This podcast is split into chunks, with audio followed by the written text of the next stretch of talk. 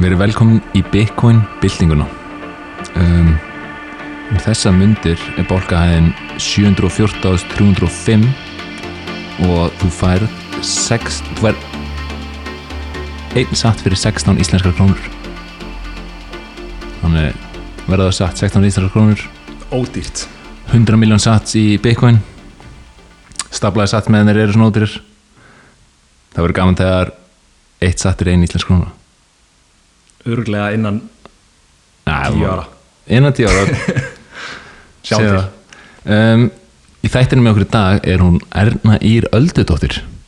Og hún er verslunarkona um, hefur verið það hefur farið um víðan völl verið hérna blaðamaður, formaður pírata. Um, og pókerspilari Já, það er rétt. og er svona þekkt í dag fyrir að vera, með, vera að tjá sig á, á Twitter og hérna Og Facebook líka er það ekki? á Facebook Jú, jú. líka já. Að ég, ég hef bara tekið hann eftir, á Twitter ég er hérna ekki lengur á Facebook Ertu maður að kúpla alveg úr? Út úr já, já, gera það fyrir nokkrum árum Svo erfitt að gera það sko já, það er svo það er sérstaklega upp á viðböruna það var alveg hann en ég fann bara því líkt hvað það gerði gott sko. Þú varst að skrifa eitthvað svona guide, svona how to já, en það var geggjað en síðan datt ég inn á Twitter og ég hef ekki náð að breyka mig frá því síðan sko. Twitter er að svo ánabindandi maður Það er rosalega því Maður er Já. alveg Maður er náttúrulega í einhverju bullu love-hate relationship Já. Þarna inni sko en velkomin, Erna Já, takk fyrir, takk fyrir bjóðin. Þannig að, já, við hann að ákvæðum svona bjóður þáttinn eftir við lásum hérna grein sem skrifaðir á Mises eða sem var Nei, var hún byrtist í þjóðmálum. hún byrtist í þjóðmálum og þú Já. endur skrifaði hana fyrir, fyrir Mises þá Nei, ég, sagt, þetta, þetta var grein sem að byrtist fyrst á, á hérna vís, nei, sagt, á, hjá Mises Já, og, og ég gerði samantækt þýðingu Einmitt. uh, og sem sagt, uh, með grein sem ég hef sjálf skrifað uh, reyndar það, það var líka hluta til þýðing uh, og byrtist á pressumilunum 2017 um Mm. hérna stríði gegn reyðufé akkurat, Já, sem maður er farin að finna fyrir í dag, eða þú veist sérstaklega í byrjunin á COVID-bylginni, þá byrjar maður að sjá svona er þetta byrjun á endanum á seðlum?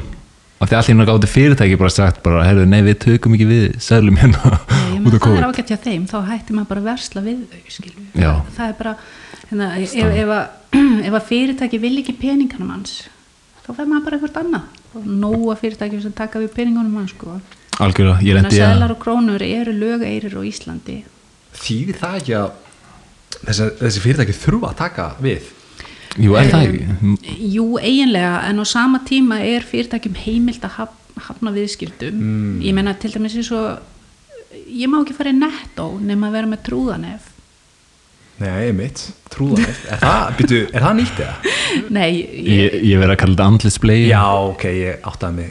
Nei, ég, ég bara tók þetta sem dæmi skiluru, þú veist eh, pæliði ef, ef að nettó til dæmis sem að það er grímuskylda þar þá má enginn fara inn í búðina nema að vera með grímu. Og ég fór að hugsa ef að nettó myndi ákveða fólk yrði að vera með trúðanef til þess að fara inn í búðina, myndi fólk gera það Einmitt. Að það er og me, meiga er gera þú veist, jú, term, þið, mega að gera, þau eru enga fyrirtæki já, hérna, en hins vegar opinber fyrirtæki og ég átti þetta samtal við póstinn.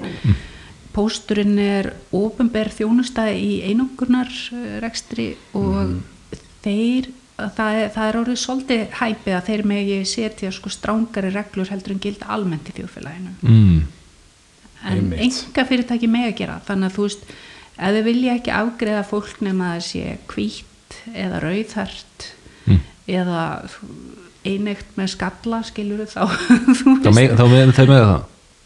Já, ok, þe- svona já, en þetta er samt hæpið þú veist, eins og til dæmis ég mun ekkert gleyma því skilur hvaða fyrirtæki það eru sem að vilja ekki afgreða mann nema maður sé með grímu. Þegar þetta er allt búið skilur mm Mér, þú veist að hérna, mér finnst það leiðilega framkoma við góða viðskiptavinni og Algjörlega. sem að hafa verslað og, og verið ánæðir -hmm. Skil hvað meinar. En það er samt, maður tekur eftir því núna sko að það er svona aðeins að leynast hjá mörgum fyrirtækjum. Maður lappar alveg inn í suma búðir ekki með grímu sko. Bara núna áður en ég kom hinga til þess það er lítil svona verslunina á hotnunni, ég ætla ekki að fara að segja hvað það er en það er ég lappaði á gæðin og var ekki með grímu á mér og gaurin sem var að vinna var ekki með grímu. Já, hann er aldrei með grímu. Nei, ok, Nei, ég- svo það var mjög næst þessi gaur sko. Hann þólar ekki grímur. Nei, ok.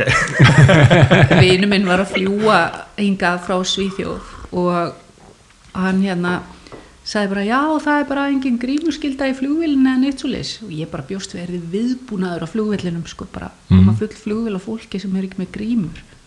Nei nei, það var ekkert svo leis Nei. þannig að þú veist þetta er þetta, þetta bara það gengur ekki upp skiluru þessi þessi í rauninni bara þetta ofstæki og frekja gagvart fólki sko. Þú veist. Hvað heldur þú sé að fara að gerast þarna í framtíðinni? Heldur þetta sé að fara að halda áfram eða er, er þetta að fara að líðundu lók? ég held að fólk sé komið leið á þessu öllu. Ég held að fólk vilji bara hérna rífa sig í gang og fara að gera eitthvað gera eitthvað skemmtilegt, gera eitthvað uppbyggilegt og bara bara skilja þetta á bakvið sig sko. Einmitt Já, maður finnur það svolítið vera svona já, ég held að andinn, Þú sko þetta er svona- Fólk komið leiða, COVID leiða döðan sko Já, það er bara allir orðnir eitthvað eh, leiðir og pyrraðir og, og sama tíma orðnir spenntir að fara að gera eitthvað og drífa sig í gang sko. Einmitt Algjörlega. Já, en með greinina Við varum að ræða Já. eitthvað sem Já. að þú þýttir Þetta var mikið, sagt, um mikilvægi reyðufjés ekki satt? Já, þess að mikilvægi reyðu fjár það er, uh, það er mikilvægt á svo mörgum ástæðum. Það er til þess að til dæmis til þess að fólk geti átt viðskipti uh, án þess að sérstaklega stjórnvöld séu að fylgjast með því. Þú veist þetta til, hérna, reyðu fjár til heyrir friðhelgi engalífsins Einmitt fólk á rétt á fríðhelgi og geta að lifa lífinu á þess að stjórnvöld séu með nefðun í öllu sem að þau er að gera og, og kaupa sér. Mm það getur líka verið nöðslegt stundum vegna þess að það kemur fyrir að stór hluti eða minni hluti fólks uh, lendir einhvern veginn á skjön við valdið og uh, það verður líka að lifa og það verður líka að geta verið til.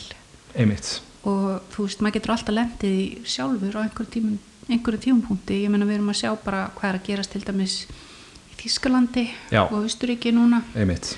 Þar sem að fólk sem vil ekki undir, undirgangast læknis aðgerð með tilraunalefjum og bara íta því út úr samfélaginu. Einmitt.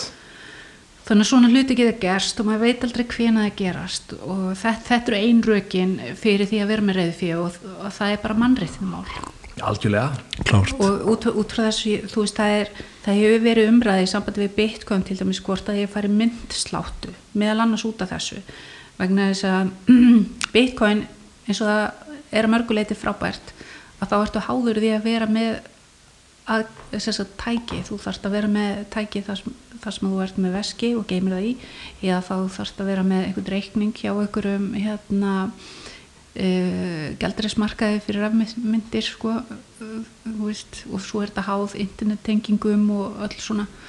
Þannig að uh, svona in theory Einmitt. þá væri hægt að slökka því öllu fyrir sumt fólk.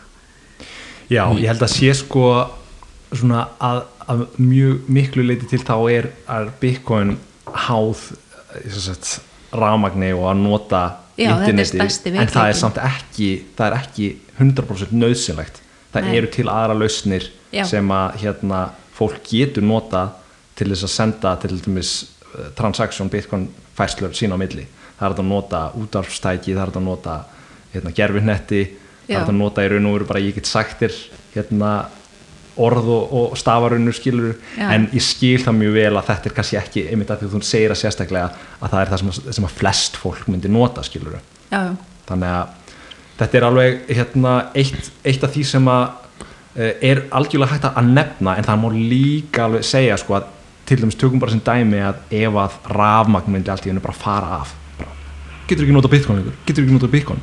Sko, það er, það er náttúrulega alls ekki fyrsta hérna, áhyggju efnið Einmitt. í heiminum ef, ef að Já. rafmagn myndi fara af heiminum það er Nei, svo nei. margt annað sem við myndi gera sko algjörlega Já, já, en, en það getur húslega gerst Já, þú veist, eins og já, já. núna þá er verið að tala um í tengslu við varnarmála, það er einhverjum svona fjölþátt ógnir þar sem að verið er af því við erum alveg svo tæknum það er líka veik, veikleikar sem að fylgja því þú veist, ef að til dæmis uh, þú veist, þetta er einhver svona greitt þú veist, og það er að ráðast á þau og lama þau mm -hmm.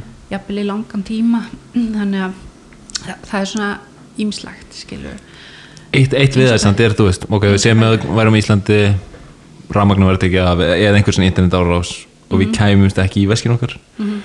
Við gætum, þú veist þetta væri alltaf tímabundið vandamál, að þú gætir síðan alltaf þú veist, ef þú myndir sleppa allir út úr landi á þeim tímabundi þá væri ég farin að flýja land. En, en þú veist, þá- ef þú myndir sleppa úr landi þá getur þú poppa upp þar sem að Bitcoin er þú veist, löglegt eða, eða aðgangur að því. Og þá, þú veist, er allt til staðar. Þannig að þú bara slæra orðið inn, inn í nýtt veski og setur það upp og Jú, en það er svona ýmislegt í þessu og, og hérna flestir hafa ekki hugmyndum hvernig maður notar þetta eða hvað er hægt að gera við þetta. Veist, eins og til dæmis ef að ég myndi missa aðganga netinu og ekki og veskinu mínu eða eitthvað þá bara Mhm. Ég myndi vera alg, myndi taka mér nokkra daga að finna út úr því eða jáfnvel einhverja vikur að finna út í hvernig ég ætti að leysa þetta sko. En, en, en já, í sambandi við þess að greina að það er annað sem að reyðfí hérna er notað í og það er að þegar að bankarnir eru með neikvæða vexti mm. þá getur þú forða peningunum með því að taka það út. Einmitt. Og, og hérna þá og bara geima það í dýnunni eða Einmitt. í peningaskapniðinum eða Einmitt. staðar. já, og það er þetta sko þetta virðist vera pælingin hjá uh, hérna seðlaböngum sem að vilja sem sagt, afnema reyðu fyrir og uh, búa til uh, raf, svona ríkis útgefnar rafmyndir í staðinn það er til þess að koma í veg fyrir að fólk geti tekið peningarna sína út þegar þeir vilja setja á neikvæða vexti og, og, og þeir sérstaklega eins og í Evrópu þar sem að mm, hagkerfið er svolítið svona staðnað mm og uh, þeir skulda ofslega mikið og líka í bandaríkjunum í rauninni að ef þeir hækka vexti að þá uh, verða þeir kannski bara gjaldfróta því að þú veist þá hækka vextir og ríkiskuldabrifum í leðinni þannig þeir vilja helst ekki hækka vexti þeir vilja helst læka þá og kannski gera það neikvæða þannig að skuldin verða bara hverfi eins og, eins, og, eins og fyrir hérna galdra. Og fyrir þá almenningur að borga sagt, með, með sínum innstæðum meðal annars.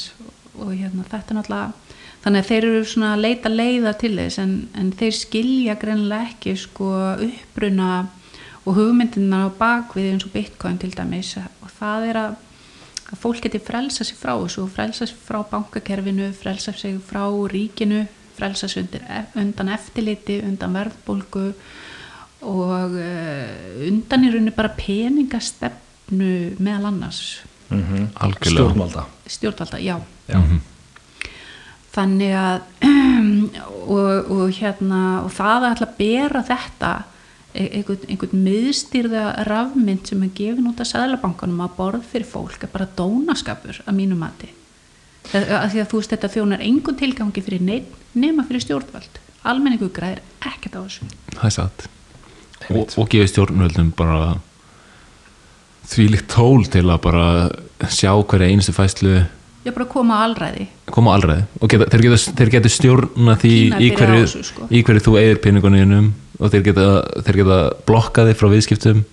Já, og ef þú hefur ánga skoðun þá, þá þú veist, geta Já. þeir blokkaði og eins og segir, þá er Kína búið að vera að gera það. Já, það er nú, þú veist, í greininni, þú veist, ég reyna að taka þetta svolítið svona, hvað að segja, svolítið svona hlutlust og faglega fyrir, en uh, veist, í rauninni þá, já, þá, þá væri hægt að segja sko að ef að uh, Vesturlönd vilja koma á svona social credit system að þá er, væri þetta undanfarin eða hluti af því plani mætti segja, mætti segja sko það.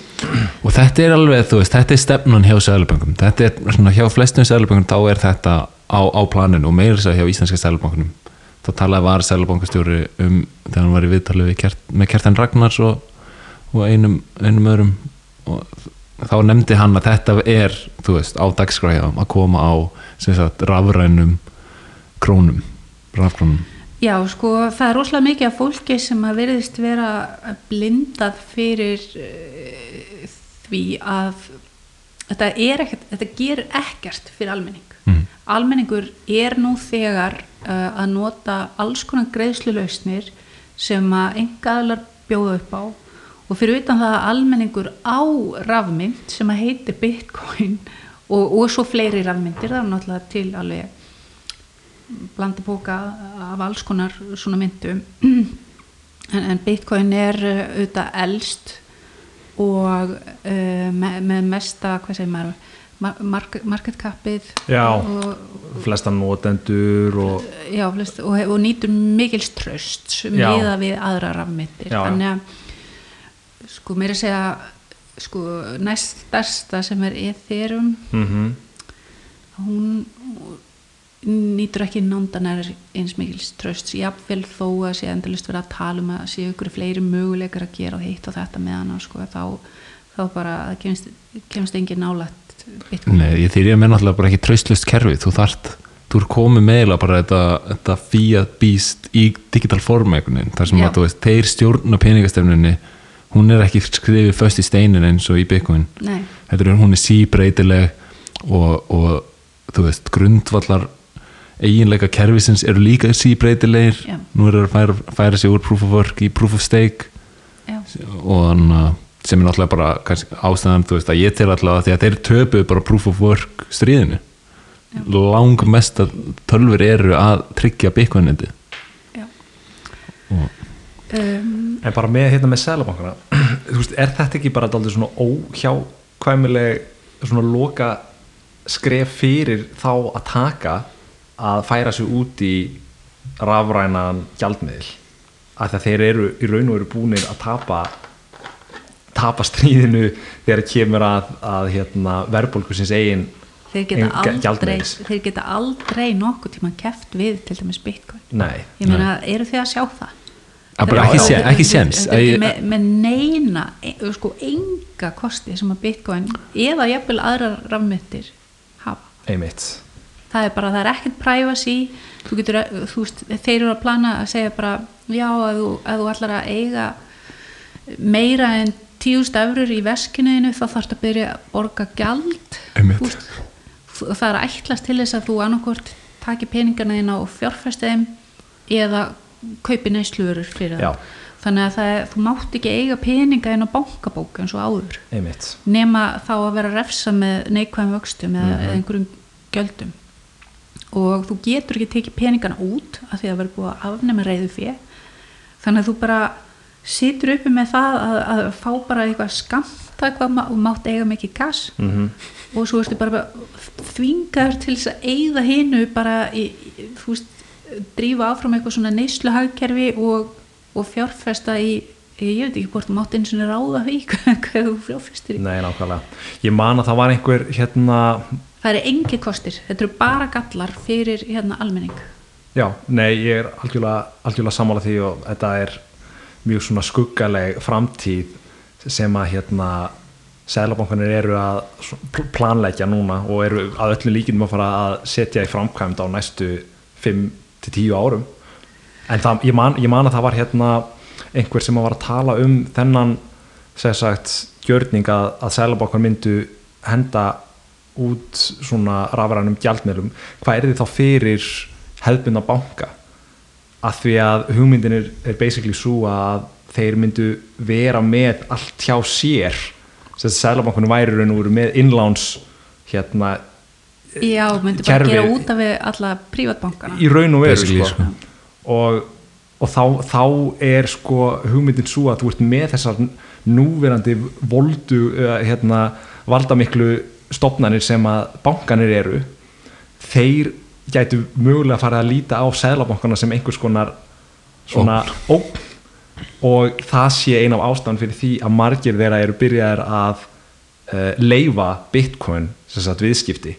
Og jafnvel sumir í heiminum það voru nú bara að koma fréttir í vikunni frá sem sagt það var þýskur tveir þýskir bankar uh, sem að voru með held ég 50 miljón notendur 100 ára gamall banki sem að Já, já, heyrðu, ég sá þetta, ég deildi þessu á Twitter. Einmitt. Hérna, já, já. Þeir, þeir ekki, ég var fengin í pallborð fyrir fimm árum síðan hjá Arion banka til þess að tala um cryptocurrencies og, og bitcoin. Mm. og það var mikil heiður.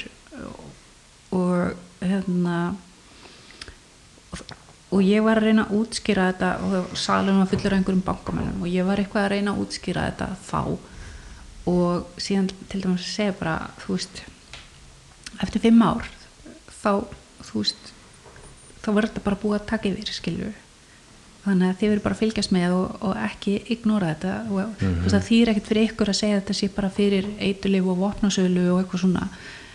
Bara þetta er að fara, fara að taka yfir og þið verðið að fylgjast með og hérna og ákveða hvað það ætla að gera svo þið verðið ekki bara undir ústónum einmitt og menn voru bara reyðir við mig. Ég man að það var einhver fullarið maður sem kom alveg og heldi sér yfir mig í lérn og hérna og, en satsmaður, þú veist þessi spátumur, hann hefur svona um það byrja ræst. þú, þú hefði mögulega getað þá bara sko, komið með einhverju samlíkingu. Ég meina, eru ímyndaðar að ég hafi verið hérna fyrir 25 árum síðan þegar að interneti var að koma og allir eru að tala um rafræn viðskipti inn á einhverjum heimaböngum íslensku bankanu voru reynda mjög fljótir að að keira þær lausnir í gang þannig að ættu að fá hrós fyrir, fyrir það, þá innleðingu en að þeir sjáu ekki hvað er í gangi núna og eru jafn svona agile að- gera þessar breytingar sem að þeir ættu að vera að gera. Já, þetta er kannski svolítið erfitt sko út af því að mm, þú veist fólk er svo fordómafullt Ég- þú veist maður þurft að hlusta á það rosalega lengi að, að bitcoin væri bara fyrir glæpamenn. En ég meina það er líka alltaf verið að tala um að reyðu fjösi bara fyrir glæpamenn. Það er alltaf sami söngurinn sko, mm einmitt. alltaf að, að, fólk sem að þú veist það er alltaf verið að slandira eða svona tala illa um um í rauninni það sem að veitir fólki frelsi og gerir fólk frjálst. Það er alltaf verið að, að tala fyrir því sem að býr til ein- eitthvað svona valdakerfi og býr til einhverja elítu.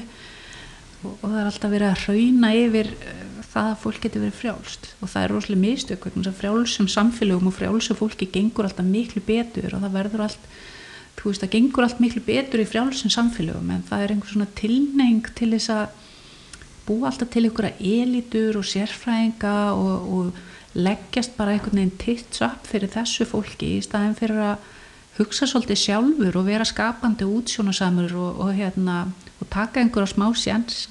Menna eins og ég var að segja uh, þú veist ég þekki fullt af fólki sem að er bú, búið kannski verið að lesa um uh, rafmyndir og, og bitcoin í tíu ár. Og hlusta á einhver vídeo, podcast og þessi sérfræðingur sagði, sagði þetta og þessi, þetta og þetta og þetta sem maður bara, já, en hvernig ætlar að kaupa þér? Já, ég er nú ennþá að hugsa málið, sko, ég er ekki alveg búin að kynna mér þetta nógu vel og ég sagði, ef þú hefði sett tíu skall í þetta fyrir tíu árum síðan, þá hættir nokkra miljónir núna. Meina, hvað er tíu skall? Þú er ekki að setja tíu skall í þetta, áttu svona lítinn pening, settu þá fimm skall. Ég meina, hvað er það? Fimm bjórar?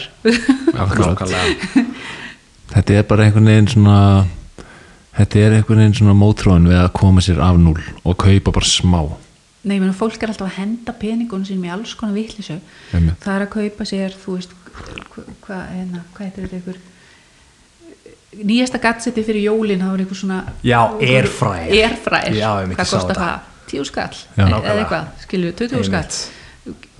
Þú veist, ef þú tapar 20 skall af því að kaupa þér bitcoin, ég meina, hvað það? Þetta er 20 skall. Ef þú átt minni pening, ok, settu þá 10 skall. Af því að þetta er 10 ár, þá getur þetta verið orðið 10 miljónir, þú veist það ekki. Það eina sem ég veit núna er að ég held að sé innan við hálft prósent allra jarðabúa sem að eiga meira en 100.000 dollara í rafmyndum. Þannig að það er alveg, þú er alveg magnað mikið eftir þarna Er klálega sko þú veist ég er að segja bara ef, að- hálft prósent hækkar upp í 1% Mhm. þá ertu strax búin að greiða helling sko. það hækkur upp í 5% eða 10% eða 50% bara, þú veist einmitt. þú bara yfirstígur hræðsluna við að eða 20 skalli sem það hefur verið annarkoð sem er sett í erfræðir eða tweetaði um eða fyllir í, þú veist, á föstudagskvöldi. Einmitt. Ég tvítaði um daginn á þart sjálfsást til að stapla satt. Þú, þars, þú þart svolítið svona að, að svona þykja væntum þig og þykja væntum framtíðar sjálfið þitt til þess að kaupa bitcoin. Það er oft svona það er oft mjög erfitt að þú veist að þetta í það að vilja svona einhvern veginn betra fyrir sjálf sig í framtíðinni. Það er svo margir fastir í bara svona ég veit ekki hvað ég get kallað það er bara einhver svona hugsunáttur það sem að það sem þú einhvern veginn nærði ekki að þú veist hvernig það þetta? að þú ert ekki tilbúin Já. að taka við svona the abundance basically ég held að það sé líka bara svona að þessi sjálfsást gæti líka bara snúist um að, að hérna gefa sér tíma í að efast um núverandi skoðanum hans á hvernig kerfi eru skilur mm. að þegar maður heyrir um fyr- þetta er bara pínlundi klísja skilur að segja þetta, því við höfum sagt þetta oft fólk þarf að hafa kannski 5-6 snertingar á Bitcoin áður en að loksins tekur ákvörunum að kaupa. Já, hvað, ég bara, ég bara reyna að segja, þú veist er þetta svona stór ákvöðun að eða tíu skalli eitthvað? Veist, ekki þú- tíu skalli en fólk er mitt bara svona bara til að prófa, byrja bara að prófa og, og svo bara fylgistu með því og fara nokkur hjarta á föll og svo kannski eftir ákveðin tíma og svo kannski setja aðeins veit. veist, en líka, sko einn vinn minn, hún er bauðist að kaupa bitcoin fyrir 500 dollara árið 2010 og hann var bara í mjög góð, góðu starfi velborguðu starfi í útlandum og hann bara eitthvað svona nei, þú veist og fór að keipta sér reyðhjóla eða eitthvað í staðinn. Og þetta væru hvað, 38 miljardar í Vá. dag. Já, þetta var, þú veist, ég veit ekki hvað þetta væri að kaupa marga 50.000 á, bitcoin eða á eitthvað. hann bitcoin í dag eða? Nei, Nei, það er nefnilega svo fyndið. Ef maður er svona snemma og á ekki eftir það að þá, þú veist, þetta er kallað BDS nei, BDS, Já, Bitcoin Derange Syndrome. Derangement Já, Syndrome. Derangement og þú bara svona, það er þetta er, orð, þetta er bara orðið bara ákveð svona en ef, hann heilkenni, hef, en ef, ef að bitcoin hefði bara verið skam og hann hefði tapað 500 dólarum ég meina, þú veist, hver hefur ekki einhvern tíma tapað 500 dólarum ok, þetta gæti Einmitt, verið mikið kannski þú ert kannski einstæð móðir eða, eða eitthvað skilur 500 dólarar en fyrir einhvern sem er bara í velborguðu starfi og hefur ekkert, veist Einmitt 500 dólar, að shit, veist hann hefði líka getað tapað því á einu kvöld í póker með vinnu sínum bara, veist, þetta er ekki Þetta er rosalega góð punktu með 10.000 kallin sko, en bara í, í samtölum við fólk persónlega, Já. þá hef ég tekið eftir því að sko, þú veist, fólk hefur uh, sumir einstaklega að segja sko, já, ég, ég á engan pening og þú veist, einmitt, áttu ekki tíu skall og fólk hugsa pínlítið um fjárfestinga sem eitthvað sem að er 100.000 eða 500 þú veist, í einhverju svona háum stórum summum skiluru og það er bara miskilningu þegar það kemur að Bitcoin fyrir okkur hérna allan á tvo að því að við tölum daldið um Bitcoin sem sparnaður og þú veist, ef þú tekur bara að þú far mánaða laun Já. og hérna, þú veist og ert með sparnaðareikning og getur verið bara á lámast launum og þú endar á því að vera með 15.000 kall í sparnaði að því þú þarft að eigða allt annað Já. en þú veist, það er ekkit of lítið fyrir að setja inn á þann reikning Nei, en til dæmis þúsukall Ísland, íslenskar Mhm. árið 2015 í bitcoin eru svona 2500 dólarar já, í dag öruglega eitthvað þannig að þetta var bara þannig. Einmitt. Veist, ég bara, ég og, sé, og síðan sko að setja bara þú veist, þú skall, ef, ef fimmu skall eða tíu skall í hverju mánuði. Og, og látið lefi sér safna saman. Það er compoundið á því er svo svakalegt. Eftir tvö ár þá ertu bara komið með bara stóra summu af sparnaði.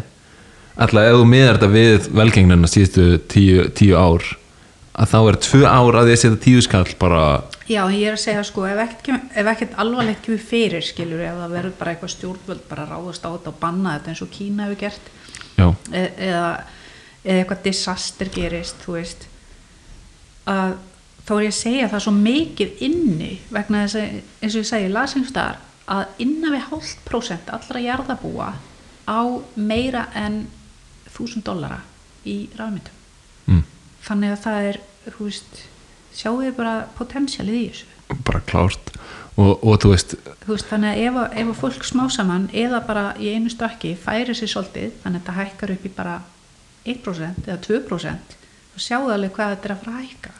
Það er mjög góða punktur. Að, að byrja bara pínlítið lágt til þess að, að, fólk er bara pínlítið hrætt við þetta og það er er skiljanlegt sko. það er mjög sko, af skiljanlegt því að þetta er alveg steiflast upp og niður og út og suður sko, og þú veist, þetta er ekkert kannski endilega fyrir hjartveika eiga þetta. Það er nú mjög slæmt í en, dag. En svo ég segir, þá er risk rewardið svo ruggla, af því að þú veist, ok, þú getur tapa peningunum sem þú settir inn Já. en þú gætir margfaldaða ég er að segja veist, það. Það er, massív það er margföldun. nánast, það er engin áhætt að tapa, þú veist, tíu skalli. Einmitt.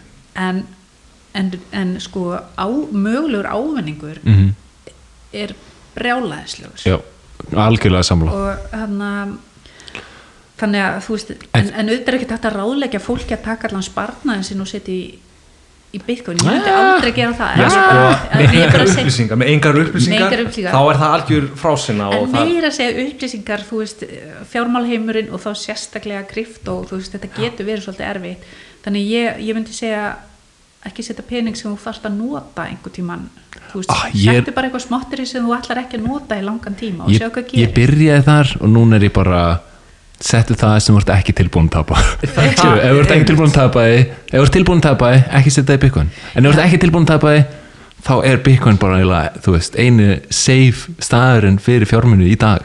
Já, mér, mér finnst það reyndar mér finnst það reyndar mjög gott að segja það en það getur verið erfitt kannski fyrir fólk sem að veit ekki mikið um þetta og það kannski kaupir og svo bara hreinur þetta niður um 20% mm í næsta mánuði og það er akkurat tíminn sem þið vantaði að ná í peningin aftur. Já, það er það sem ég er að meina. Já það, er, það er mjög góða punktur. Þú veist þegar að horfa á þetta bara þetta er eitthvað sem að getur leiðarninni þannig ég geti beðið af mér sveiflur. A, já, algjörlega samanlega því. Eh, þú ættir að horfa á hver einustu kaup sem allavega fjögur ár. Já, eða þú veist. Og svo bara þetta disclaimerin inn að við erum ekki að ráðalega neinum að kaupa endilega bitcoin með hérna, peningunum sínum en þú veist do your own research skilur Já, ég er bara að segja að það ætti að vera óhætt fyrir flesta bara til að, að bara til að prófa að, eða þú veist koma sér yfir bara hætta pæli í þessu og settu pening sem þú ert tilbúin að tapa eða ekki að snerta í nokkra mánuði eða nokkur ár. Mm. Sett, og prófa þetta bara og sjáu hvað gerist þú veist bara það, það sé ég er að meina sko, í staðin fyrir eins og ég segja því það eru svo margir sem eru einmitt búin að vera að pæla í þessu alveg bara í tíu ár og eru aldrei búin að viturlega fullt. op- opna veski eða, eða stopna reikning hjá einhverjum hann að það, það getur nú líka verið smá, það er náttúrulega smá áhæ- áhætta kannski líka að opna hjá einhverju gjaldirismarkaði, þú veist, ég er með það sem ég á sem er nú ekki mikið, ég er engin miljónmæringur sko, þannig að ég er með það á kraken kraken er búin að vera Mhm. til í 10-11 ár Einmitt. þú veist, þannig að þeir eru vantilega búinir að lenda svona í flestu öllu sem getur komið upp á sko uh, svo ég átti líka Aurora coin í bara volleti í tölvunum minni. Já, svo var tölvunum minn alltaf stólið í innbroti þannig að ég sé Oh að það my er ekki aldrei aftur. Og þetta ekki með backup backup phrase? Ég held ekki. Ah, er ekki Aurora coin samt alveg bara svona frekar verðlaust í dag Jú, að- þetta er íslenska Ég fannst samt svolítið vandum þetta. Þetta var alveg collectors items. Ha? ég myndi ekki borga mikið fyrir það Nei, ég meina þú veist Heyrðu, er ekki, er ekki hérna er ekki, Þú veist, núna er komið hérna hérna non-fungible tokens Emit, og NFTs NFTs og hver er að segja að rafmyndir hafi ekki söfnunagildi eins og aðra myndir já, við erum, við erum svolítið á því að þú veist, hlutir eins og NFTs eru svolítið svona afleiða af í þýrjum bólkakeðum til dæmis að reyna að finna sér eitthvað notagildi. Það er svona, ég sé þýrjum sem svona laust sem er að leita sér að notagildi og þegar þú varst í síðasta rauninu 2017, Já. þá sástu að klárlega notagildi sem það var selja var ICOs, að geta verið með svona þú veist, ekki IPOs, þetta eru ICOs á Já. þar sem þú gefur þar sem hún getur, þú veist, sett upp fyrirtæki og gefið út hlut fyrir í gegn borgargeðunar og núna er þetta bú- búið svitsa svolítið yfir þetta NFT narrativ um, ég sé bara ekki alveg tilgangin veist mér, mér finnst hérna, mjög verðugt fyrir listamenn að reyna að finna leiðir til þess að að hagnast og, og ná einhverjum verðmætum og verði út úr þessu, þessu ný, nýju uppfinning sem að Bitcoin og, og, og hérna, Bitcoin er en mér, ég sá hérna á Twitter bara um daginn og mér fannst þetta lýsa muninum á fysiskri list og svo NFTs mjög vel sko. og maðurinn að Clint Watson segir when you purchase a physical painting you are purchasing, purchasing both the physical rights to control the artwork and the social rights to be a part of the artist's story. But when you purchase an NFT you are purchasing solely the social rights. Og mér finnst það vera dálítið svona þú veist, ef að ég sem uh, kaupandi á list já, uh, þá myndi ég frekar persónulega leita alltaf í fysisku listina svo ég hafi svo getur hengt það bara upp heima þér já, basically sko, að því að ef að ég á. NFT þá getur þú erna samt alveg farið á heimasíðu listamannsins og hérna mögulega fundið myndina sem að hann seldi mér já, í NFT sem að ég hef hérna non-fungible hérna rétt á og það getur enginn stólið honum af mér. En þú getur prenta myndina út mögulega í góðum gæðum og hengt upp á veggina hjá þau skilur já, ég er samt sko ég, ég teki eftir því að, að það er svolítið svona þras á milli fólk sumur eru alveg harðir bara aðdándu bitcoin og aðrir eru trúa alveg rosalega á eitthvað annað. Mér finnst bara að maður eigi að hérna, vera ánæði með hvað allir er að reyna að búa til eitthvað hérna, mikið af einhverju sniðu þú veist það kemur alltaf eitthvað gott út úr því. Og ég til dæmis prófaði að kaupa eitthvað smottir í, í hérna mana og það er sko mana er bara eitthvað svona eitthvað, byggt á eitthvað svona tókenum fyrir eitthvað tölvuleik mm. ég veit í rauninni ekkert um þetta ég bara hugsa, vá, enn snið þetta tengist bara, spilararnir eru að kaupa eitthvað svona sverðu eða byggja hús eða gera eitthvað og þetta er einhvern veginn tengt við þessa mynd ég skildi ekki alveg Mhm. ég hef bara, minnst þetta gett sniðut keitt eitthvað smá og svo hefur þetta bara ganga gett vel þú veist ég Einmitt.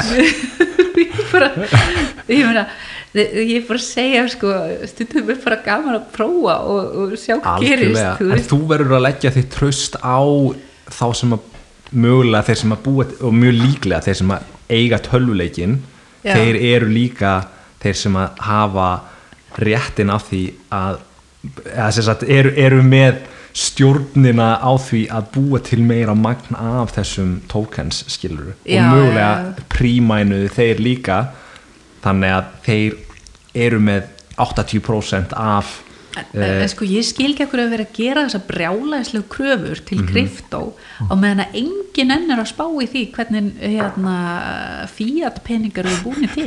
Þannig að horfið bara á Það er þann mjög góð usla punktur. haug skiluru og fólk er alltaf bara að tala um já við treystum ekki kryptó en, en svo hefur þú veist. En, eins og maður hefur séð bara og að koma hver að fætur öðrum að vera að gaggrina El Salvador fyrir nýja hérna, lögjöfn sem þeir voru að setja í gegn að gera byggun lögri en maður hefur aldrei séð þess að gæði að þú veist, vera gaggrinir á neitt fíatgjaldmeil Nei. og þú veist, það eru fíatgjaldmeilar sem eru bara augljóst skem eins og, eins og þann að CFA frankin í, í Afríku Já. sem er svolítið bara svona þvingaður á 15 Afríkulönd 200 Já. miljón manns sem að eru að nota hennar pening og þetta er bara, þú veist þetta er bara fullkomlega stýrt í París og, og þú veist, kemur mjög niður á þessum löndum og ég held að tíu af þessum löndum séu fátækastu lönd Afríku í kjálfari Já, ég er í rauninni sko gjaldmiðlar sem eru gefnir út af selbanku þeir eru bara notaði til að ræna fólk. Það er ekkert flóki þið vitið, ég veit þetta og þið vitið þetta. Mhm. þú veist, hérna ég hérna á, á- árið 1913 þá voru tíu bandaríski dollarar jafngildu tíu gullpenningum Mhm. hvað farið fyrir tíu dollar í bandaríkjum í dag? Pop og kók veist, þetta, þetta er bara gerfipeningar þannig séð, Já. en við notum þetta samt og þetta á einhvern veginn að vera betra heldur en kryptó Já, er- really? Veist, en, en samt þegar maður er komin inn í þetta og maður er, þú veist, farin að setja maður er farin að spyrja sig, þú veist, hvað er peningur? Og fer að fara svona í, í svona, svona grundvöllin á þessu, að þá áttar maður sig á því, þú veist, ok peningur þarf að vera sjálfgjafur ef hann á að virka, ef þú vilt ekki einhver, þú veist, rænan myndaður. Og, og Bitcoin einhvern veginn næra uppfylla það og önnur atriði nánast fullkomlega. Og, og það sem að þú veist þeir sem eru harðir bara á Bitcoin er ekki bara þú veist ekkert einhver, einhverja klappstýrir endilega bara fyrir Bitcoin. Þeir eru meira bara klappstýrir fyrir hörðum pening og, og svona þeirri kenningu svona austurísku hagfræði kenningunni um svona pe peninga hvernig peningar virka. Já, og að harður peningu vinnur og maður sér oft þessa krypto þú veist kryptolið er oftast liðið sem er með mesta fötið í garð Bitcoin um, frekar heldur en svona frá sælubankunum þeir eru miklu frekar en að dreifa föls, fölskum upplýsingum til þess að reyna að upphæfi sitt krypto yfir veist, yfir eitthvað annað yfir Bitcoin. Þannig að maður sér mjög mikið svona, veist false, false narratives og, og maður sér líka fólk brenna sig á þess að því að veist Bitcoin er að gefa okkur svo mikla von bæði bara svona frelsisvon og, og sparnar veist, að, að geta verið með solid sparnað og að þú veist það er svo mikilvægt að fólk átti sig á því að þetta er örugur sparnaður en þetta er ekki fjárfesting. En krypto er meira svo fjárfesting en við erum búin að gleyma svolítið í samfélaginu okkar mikilvægi sparnaður og það er náttúrulega bara stríð á hendur sparnaður í dag. Þú veist, það er bara eins og við sagðir áðan skilur eins og í Európi, þú veist, það er bara það er stríð á sparnað. Og þú veist, þú átt annarkvæmst bara fjárfesta pinnum eða fara í neyslu Já, svona á spari reikninga, veist, spar, það er náttúrulega alveg hægt að segja að fjárfestingar séu sparnaður e- ef það eru fjárfestingar sem að auka verðgildi sitt með tímanum eða þá skila einhverjum arði, þú veist, þú getur sett sparnaðin í fjárfestingar eins og til dæmis, þú getur keift fasteignir eða þú getur uh, keift hlutabrif í, eða jafnvel stofna fyrirtæki og reynda, þú veist, búið til einhvern hagnað Já. þar. En hérna, En það munur náttúrulega á öllum þessum svona eigna, eigna flokkum, þú veist, eins og fasteignir og, og hlutabrif eru mjög ólík. Fasteignir eru nær svona þessum hörglu eignum á meðan að hlutabrif eru, þú veist, það eru, það eru fyrirtæki sem eru að reyna að skapa, skapa virði og, og, og, og sve- sveiflast aðeins allt öðruvísi skilur. Þannig að Ég segja að fasteignir er neysluvara og að það er klárlega mjög skýr munur, allavega í austurískafræðinni á sparnaði og fjárfestingu. Já, sparnaður er eitthvað sem þú átt sem er ekki, þú veist, það er mjög lítilega eða engin áhætt á bakviða þú getur átt það og veist að kaupmáttur mun halda sinni framtíðina. Ef þú vilt hins vegar ávaksta sparnaðin þá getur þú sett það inn í fjárfestingar og reynda ávakstan en þú átt, þú ert búin að fá launin þú ert búin að riska tímaninum til að fá laun þá áttu ekki að þurfa að hætta þeim pening aftur bara til að geta haldið kaupmættunum þú átt að geta bara þú veist, náttúrulega, þá ættir þú bara að geta keift peningin sem væri peningur á markaði en, og, og hann myndi haldast, en af því að við erum búum í dag við bara gerfi pening sem er ekki alvöru, þá auðvitað heldur hann ekki kaupmátt yfir tíma og, og staðan er svona eins og hún er í dag. Já, þú veist, það er hérna, þetta er svona, uh, það er nú, núna að talað um, þú veist, vakninguna miklu eða, eða great awakening. Og ég myndi segja að uh, þessar pælingar með uh, bitcoin og, og, og krypto eða svona ykkur skona annars konar peninga er hluti af þeirri vakningu að fólk er bara svona komið leið á gamla kerfinu búið að sjá í gegnu það og finnst að það sé bara verið að misnota þú veist, ég gleym ekki það var einhver maður sem skrifaði fyrir nokkrum árum síðan blaðagrein og það var bara einhver venjulegu maður og hann sagði pappi minn borgaði meir en 40 miljónir í lífyrir sjóð og svo þegar hann var komin á aldur að þá hérna var eignin hans 14 miljónir að hann hefði bara lagt þetta inn á bankareikning. Og þetta meira skiljum, það er hérna þú veist, ef ég bara segja það eins og er það er bara svolítið mikið verið að taka fólki ósmurt Já, já. raskatið sko bara eh, með þetta allt saman ég bara, það Og býst engin ekkit, engin ungur einstaklingur ætti að búast við því að fá hérna pen, peningan sem tilbaka frá lífeyris Nei, sko. og svo er það líka þannig núna að ungt fólk á bara í mesta baslega getur ekki einu sinni keift sér ykkur að pinguleila skonsu til að búa í Einmitt. Bara einhverja einsherbyggis íbúð einhver starf þess, þú veist þetta á ekkert að vera svona. Það er því að verðbólgan er svo mikil og, og fasteignina sem eru, jú, það er vissulega rétt neysluvara fyrst og fremst en vegna skorts á landrými og öðru slíku og bara sögunar vegna þá er, eru fasteignir notaðar sérstaklega á Íslandi sem einhvers konar store of value hérna verið að reyna að nota bara fasteignir basically sem spartna og þess vegna fer, fer þetta ríkur þetta upp úr öllu valdi. Það er svona lögmál innan austurísku hagfræðinar að sa- þú veist á, ef þú ert með frjálsa, frjálsa marka og þú ert bara með marka þar sem fólk er að skipt, eiga í viðskiptum þá náttúrulega verður peningur eignin sem er seljanlegust. Já, the most, uh, mengar kallaði the most saleable good hún, og hún verður að pening. En, en eignin sem verður að pening er notið sem peningur. Það, það er bara lögmáliðið því að hún, þá er gert meira af henni. Þannig að þú veist, ef að gull var peningur þá er búið til meira af gulla því að komin svo mikil prímjum á eignina að, að, að það er komið svo mikið incentive að búið til meira af þannig að sama hvað er sem peningur þú veist, incentive er að búið til me- meira af því.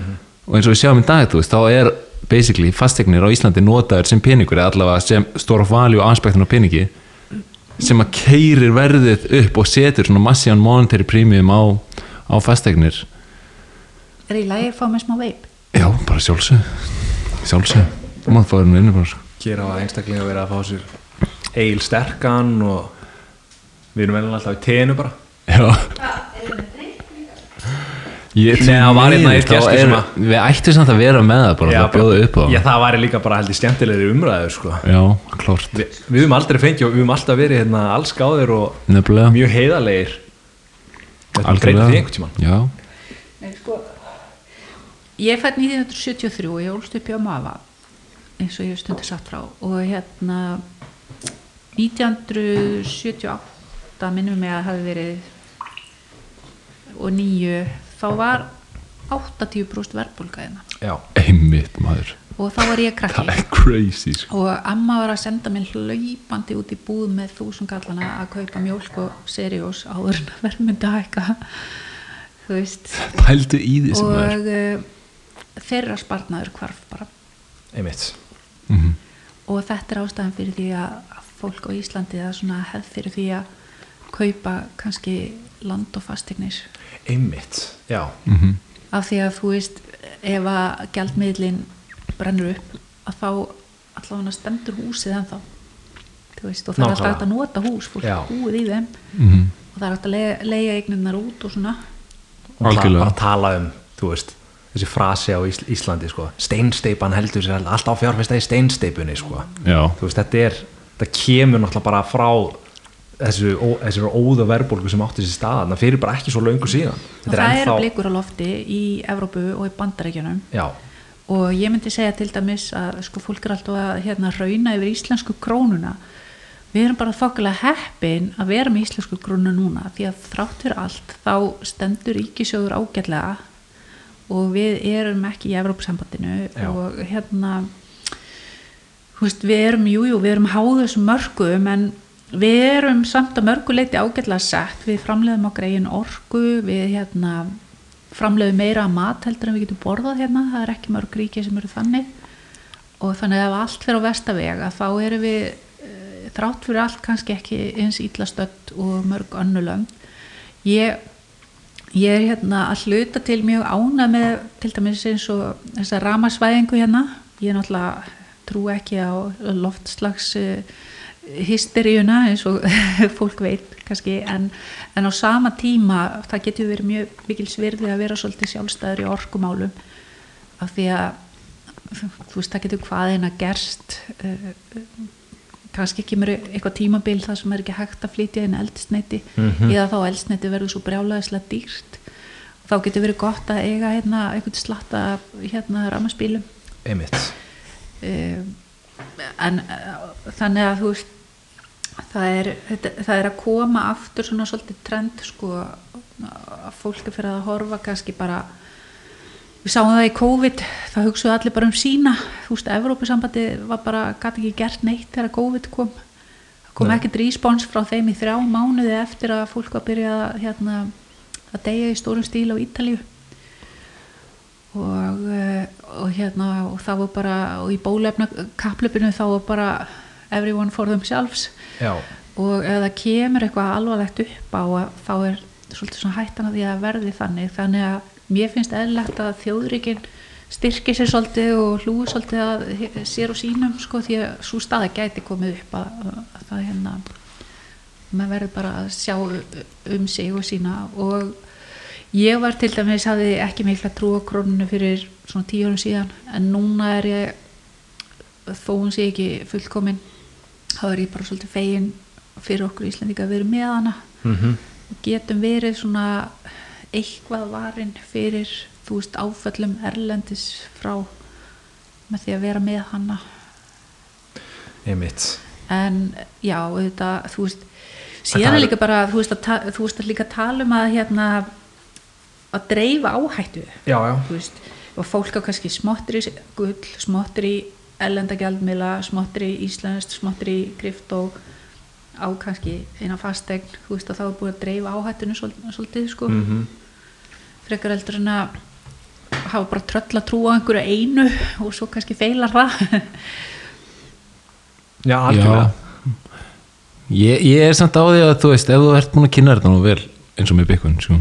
Ég meina ég er ekkert að segja ég hef ekki trú á bitcoin en ég er bara að segja að þú veist eins og núna það eru bara svona tímar framöndan þar sem það er svolítið óvisa að það getur vel verið að sé gott að, að aðeins að svona eiga sitt lítið að hverju Nefnt. ég held að fólk allan sko, sem að er algjörlega klúles um og er bara, bara dálítið svona lifir, lifir sínu lífi bara án þess að vera pæla á mikið í hlutunum þú veist, það, það hlýtur samt að sjá að það er eitthvað skrítið í gangi í samfélaginu hvort sem að sé á Íslandi eða í öllum heiminum bara út af COVID-málum og heyrir alveg um efnahags hérna vandamál sem eru í, í gangi. Og núna er búið bara þannig tímum að upplýsingar flæða mjög hratt og öruglega á samfélagsmiðlum og á internetinu bara almennt. Þannig að fólk hefur rosalega litlar afsakanir til þess að taka allan sína einn ábyrð og, og kynna sér málin sko. Já, það er samt sko, það er einhvern veginn svona óbáslega mikið af upplýsingum í bóði en það er rosalega erfitt stundum að finna sko, hvað er unnveruleg þekking og hvað eru staðrindir veist að því að það er svo mikið, mikið þetta er svona eins og eitthvað svona þoka sko, fólk er að þreifa sig áfram og getur verið talsverið vinna að finna eitthvað Nú sá ég bara að þú varst bara að posta hérna á Twitter bara núna rétt áðan þá var hérna formaður Blaðmannafélags Íslands sem að er að gaggrina uh, svona, ég veit ekki svona hvernig ég orða það, bara svona uh, alternative media í raun og eru á Íslandi og er að segja að það séu ekki raunveruleg fjölmiðlar sem, er að breyða át upplýsingum. Og þú veist þá er hann að tala um held ég hérna kona sem að rekur fréttin.is og hún var að tala líka um hann hérna Björn Björn Ingi Hrafnsson. Björn Inga Hrafsson með hérna sinn fjölmiðl og hann alltaf áberandi á COVID tímum hérna á þessum fundum og allt það. Já, já, við vorum nú að vinna saman ég og hann á Já. Viljanum. Ég hætti þarna í janúar uh, 2020 já, meðal annars að ég ég sagt, ég er með fjölbreyttari sjónamið á COVID-faraldurinn mhm. heldur en, heldur en fjall í kramið sko. ég, finnst til dæmis eins og COVID-faraldurinn þetta hefur verið óðbúslega einhliða fréttaflutningur sem jæðrar við bara pjúra hraðslu áróður veist það hefur ekki verið neitt tilefni til þess að fjalla svona um COVID-faraldurinn eins og gert var á öllum nánast undantekningalöst á öllum fjölmilum á Íslandi og í heiminum og eh, og í rauninni sko já, mér fannst þetta svolítið vel í lagt hjá henni að vera að sko, en þetta er samt svona lenskan á Íslandi það eru mjög fáir frjálsi fjölmiðlar á Íslandi sem eru algjörlega frjálsir útarpsaga er frjáls fjöl, fjölmiðl Mhm.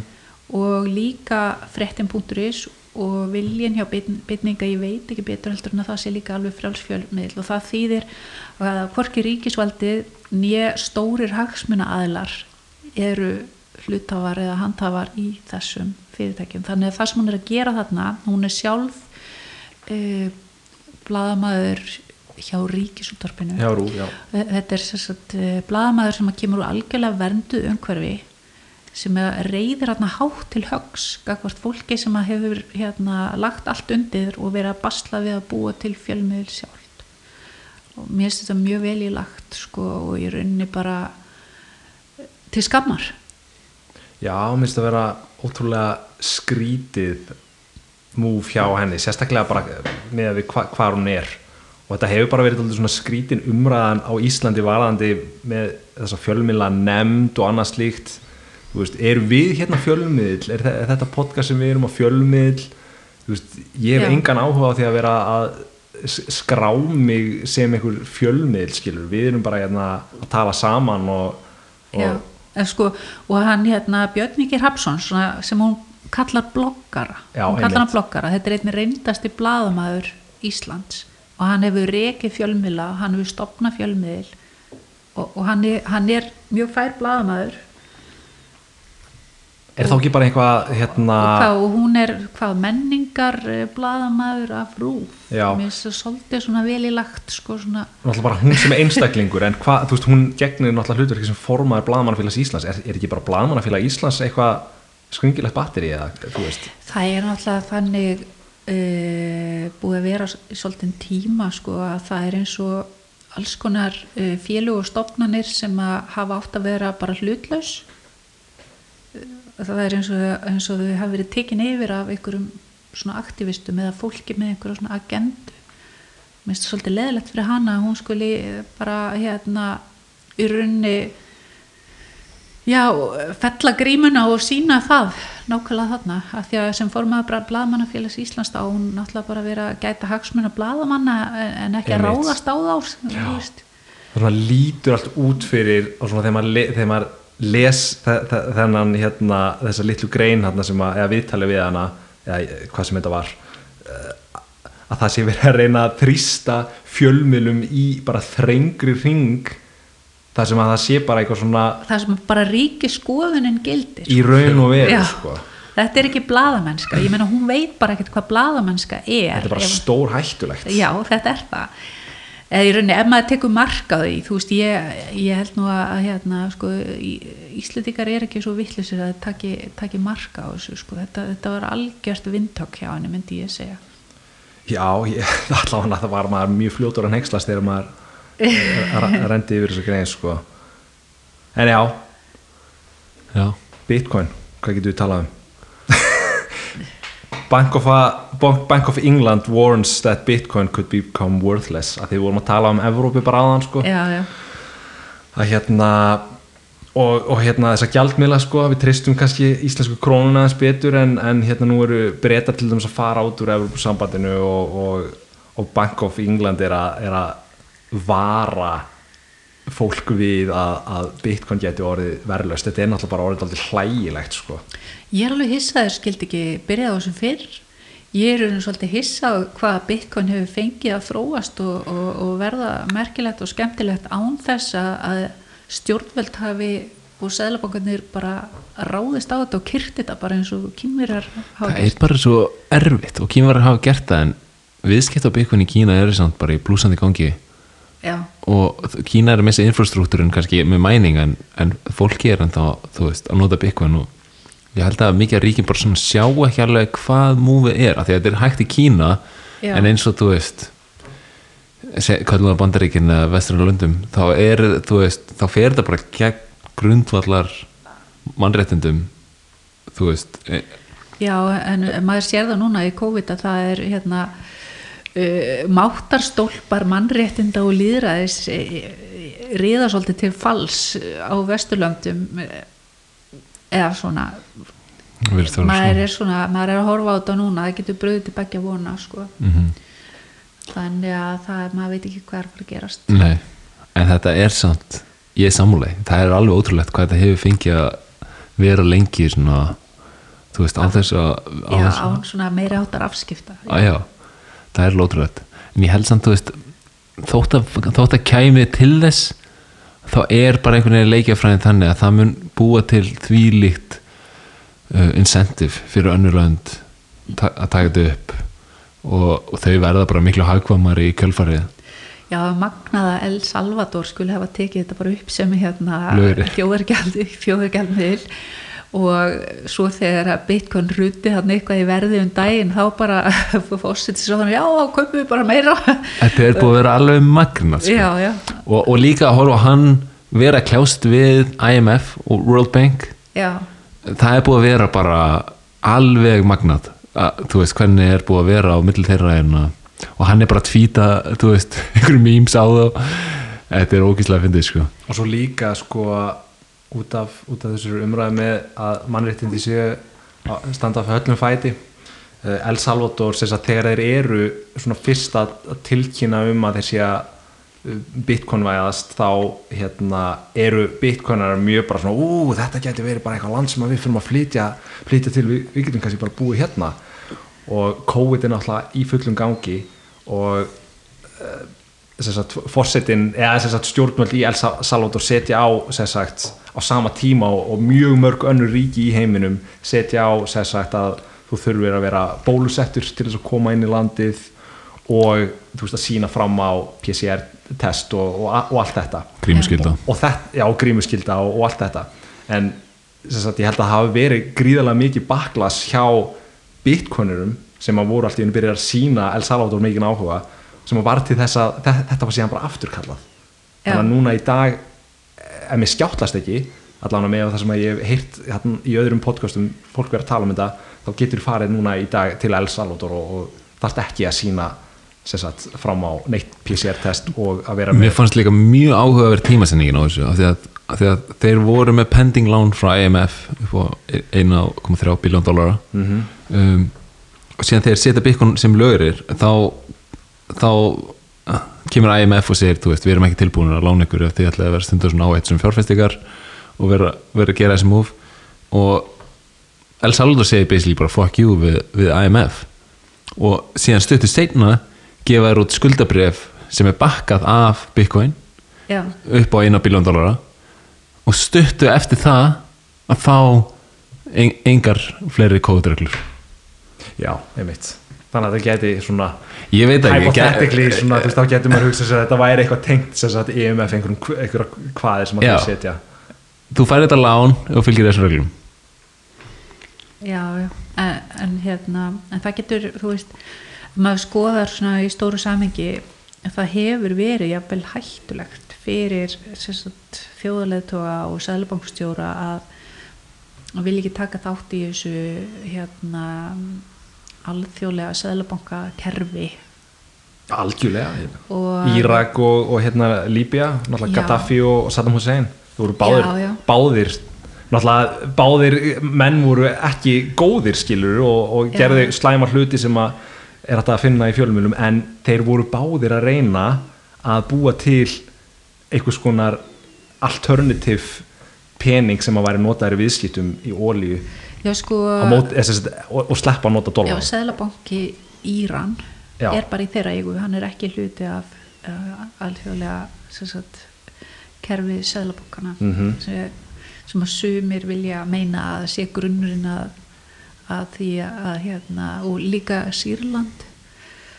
Og grunnurinn að átökum og, og svona fjandsanlegum samskiptum við vestrið. Mm en um, þannig að ég var svolítið hissa á því að El Salvador bara kemist upp með þetta. Já, og maður bara, maður bara svona pínu ágjöfullur sko. Þetta var, þetta var bara svona eins og þrjum ár heiðskýru lofti. Og Já. þegar þetta var tilkynnt á Bitcoin Miami sem var hvenar, í mæ á þessu ári. Þá bara mæ, ángríns í mæ já, á þessu ári. og það voru sagt, já bara við ætlum að vera komi, við, við ætlum að hérna, fara með þetta í gegnum þingið svo var þetta samþygt og þá var gefin einhver ég man ekki hvort það voru sex vikur eða þrýr mánuður eða eitthvað, það var gefin einhver bara ákveðin tími og það er ótrúlegt hvað þetta litla ríki náði að uh, innleiða þessa bitcoin væðingu lög, sem lögari á stuttum tíma það er alveg ótrúlega þvikast með þér Sko ég er endur á móti að hafa lögiri. Mér finnst að fólk eigi bara að nota þá peninga sem það vill nota. Klárt Til dæmis, sko, þetta gæti náttúrulega verið bara, kannski hættulegt að segja þetta, ég veit það ekki, en þú veist að við myndum bara leggja niður selabankan hérna og Íslandinga myndi bara nota þá gjaldmeðla sem þið treystu best. Mhm. einmitt, Hvað myndi gerast? þeir myndi ekki nota krónur. Það myndi kannski nota krónur. Já, kannski. kannski getur bara nota alla gjaldmeðla svo þú vilt og hérna þær verslanir svo fer það er allir með upp í símanum og svona það er alltaf hægt að reikna út hvað hlutinni kostar.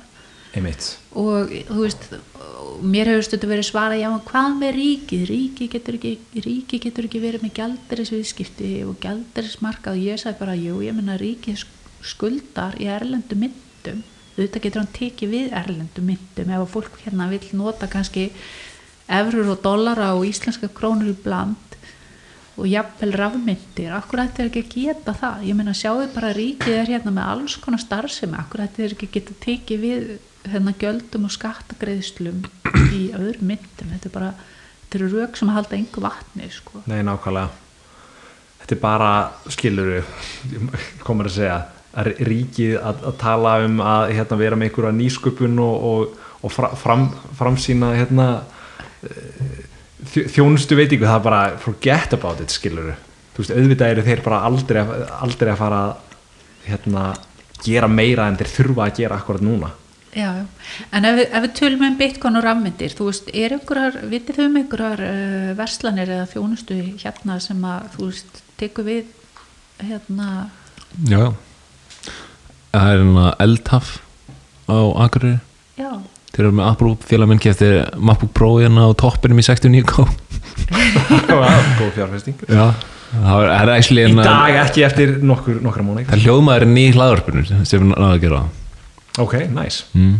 og síðan er hérna Frost Bloom held ég á neti já, er það blómabúð? já, blómbú Já, ok, ekki.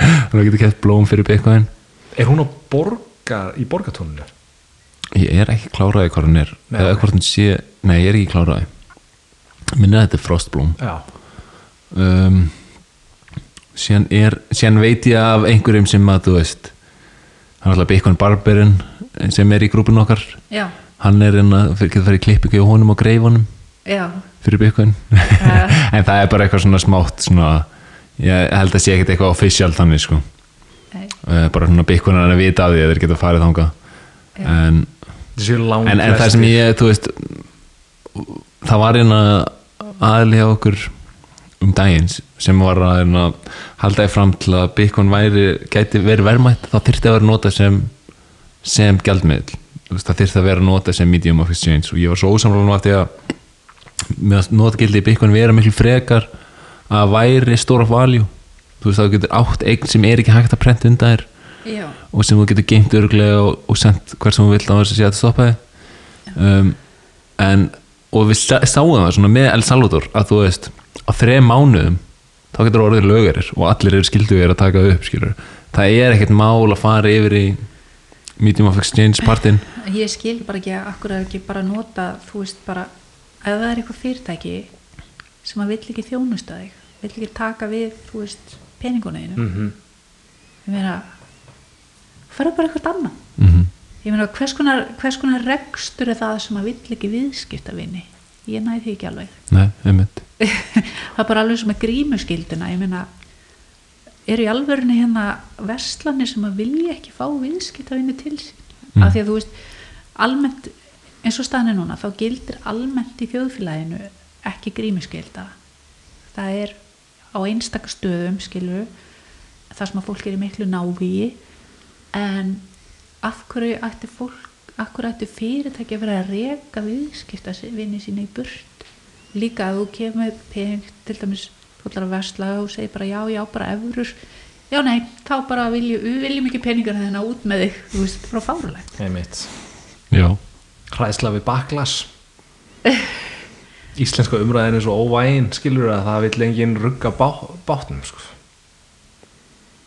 Þannig að ímyndum okkur bara krónuna skilur krónan kannski er einhver þar að vinna sem að hefur engan áhuga því að vera með grífumskildu en bara svona þú veist að þórir enginn að stíga fyrsta skrefið og Já, vera krónan er ekki með grímuskyldu.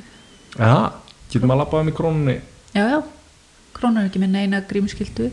Bónus er með grímuskyldu en þú veist maður svona þeir eru ekkert ekkert, ekkert trubla mann neitt mikið þó að maður sé ekki með grímu. Nei, en ég fór í netto um daginn og það var bara já, þú voru að vera með grímu þannig að máttu ekki koma inn Það þannig að ég þurfti bara að skilja korfun eftir og labba út og krónan, þú veist, þetta var um kvöld þetta er risastort húsnæði. Mm það voru kannski fimm viðskiptavinnar að inni. Já, pluss starfsfólkið. Og ég bara ég sagði bara allt í lagi, fór. Og svo fór ég í krónuna. Já, Já. Þeir eru mjög harður á þessi netto og hagköp. Já, ég, ég skilgi þú veist, minnst það hræðilegt framkoma við viðskiptavinni og ég meina maður gleymur þess ekkert. Þegar þetta búið sko. nei, nei. Það hafa kannski lendið að einhver öryggsvörður eða starfsmæður hefur komið æpand og öskrandi og maður bara eitthvað. Hlaupanda eftir manni með Já, þetta er, ekki, minnst það vond hugmynd ef, maður er, er í rekstri maður, þá er bara customer is king veist, þú ert ekki að vera ángra viðskiptavinnin eða gera hann erfitt fyrir.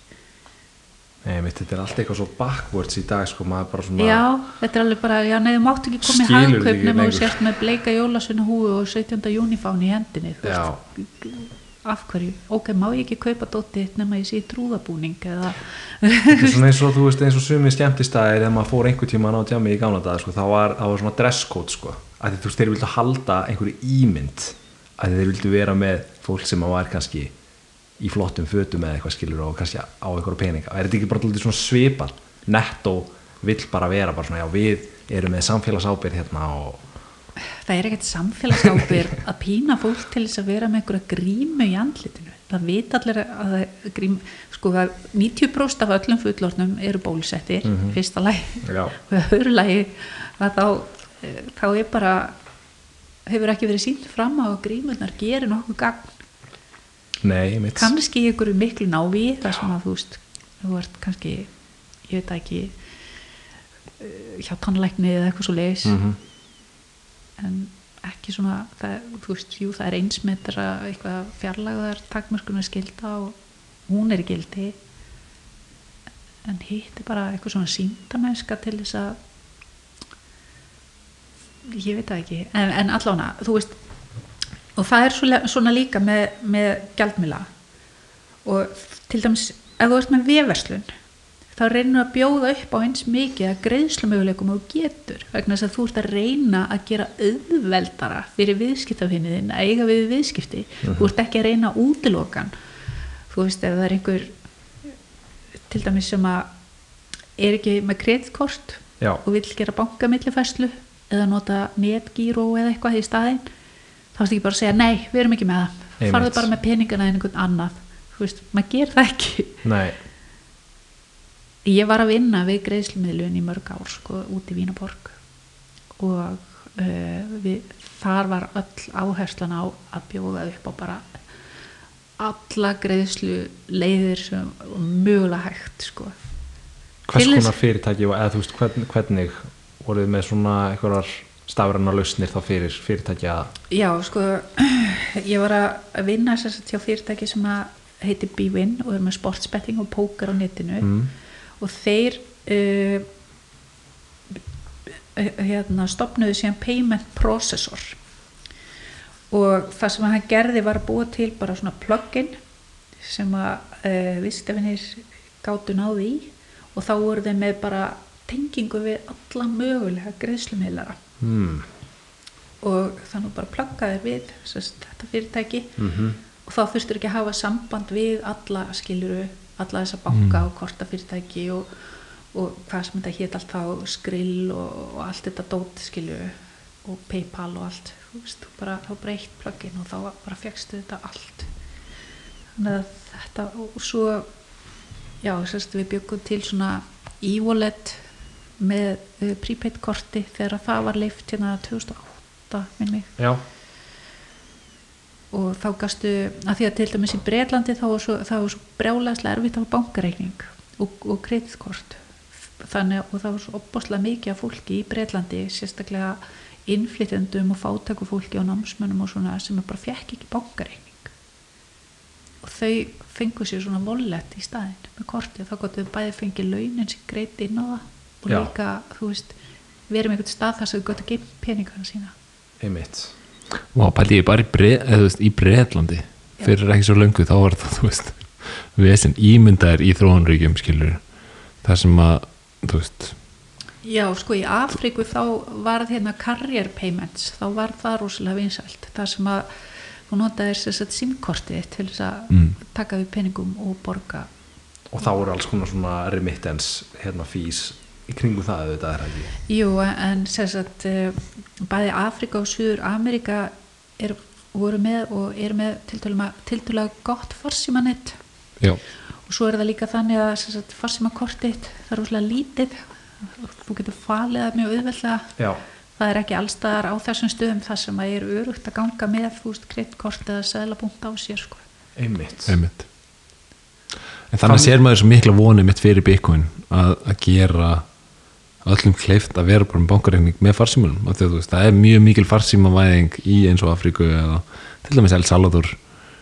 Og þú veist þetta er, þetta er, ef þú er komin farsíma þá þarftu bara að downloada appi og þá getur bara fengið hörðustu eign skilur sem er bara hefur verið fundinu upp tímaðin og þú getur byrjað að kaupa fyrir dólar eða tvo dólara eða byrjað að spara, við sko að mér já, sko ég fattaði þegar ég var að vinna í payments þarna úti hvað uh, payments sem sagt greiðslu greiðslu þróun eða svona greiðslu miðlunar þróun er brjálæðislega mikið mannréttindamál mm, og svona uh, þar sem að fólk hefur möguleika á að taka við greiðslum og borga þú veist að hérna hvað getur komið hratt upp og fátækt. Já, þú veist, ef þú getur ef þú getur ekki tekið við peningum og geimt peninga bara mátt ekki fá kort, mátt ekki fá bankareikning uh, getur ekki verið með reyðufjörninstar ég meina meira að segja í svona friðsalum löndum með lága glæpatíðni eins og Íslandi þá finnst fólki óþægilegt að vera með mikið reyðufjör bæði á sér og eða heima á sér.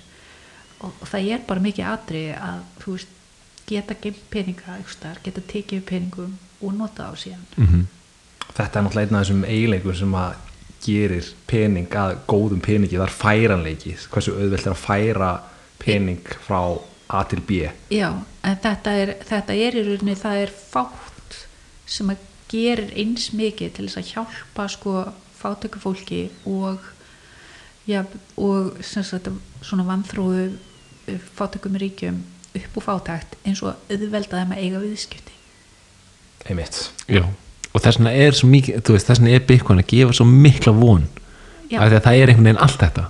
Já, ég, og maður sér það sko. og mikið adoption í Afríku sko, eins og bara Nígeria um, ég held sé mest adoption í heiminum sé nýgri og maður, að, þú veist, að þetta þetta er svo satt að, og leið og nærð að vera með örugan pen í sparnað sem er, þú getur verið með öruglega inn á símaninum og þú veist, í dag og það er ennþá verið að þróa bara hellingalösnum og þannig að, að, að þá, þú veist, að geta bæði verið geimpenningin og sparað í eign sem að, þú veist, heldur kaupmæti það er ekki hægt að byrja að koma fyrir ef þú getur ekki sparað.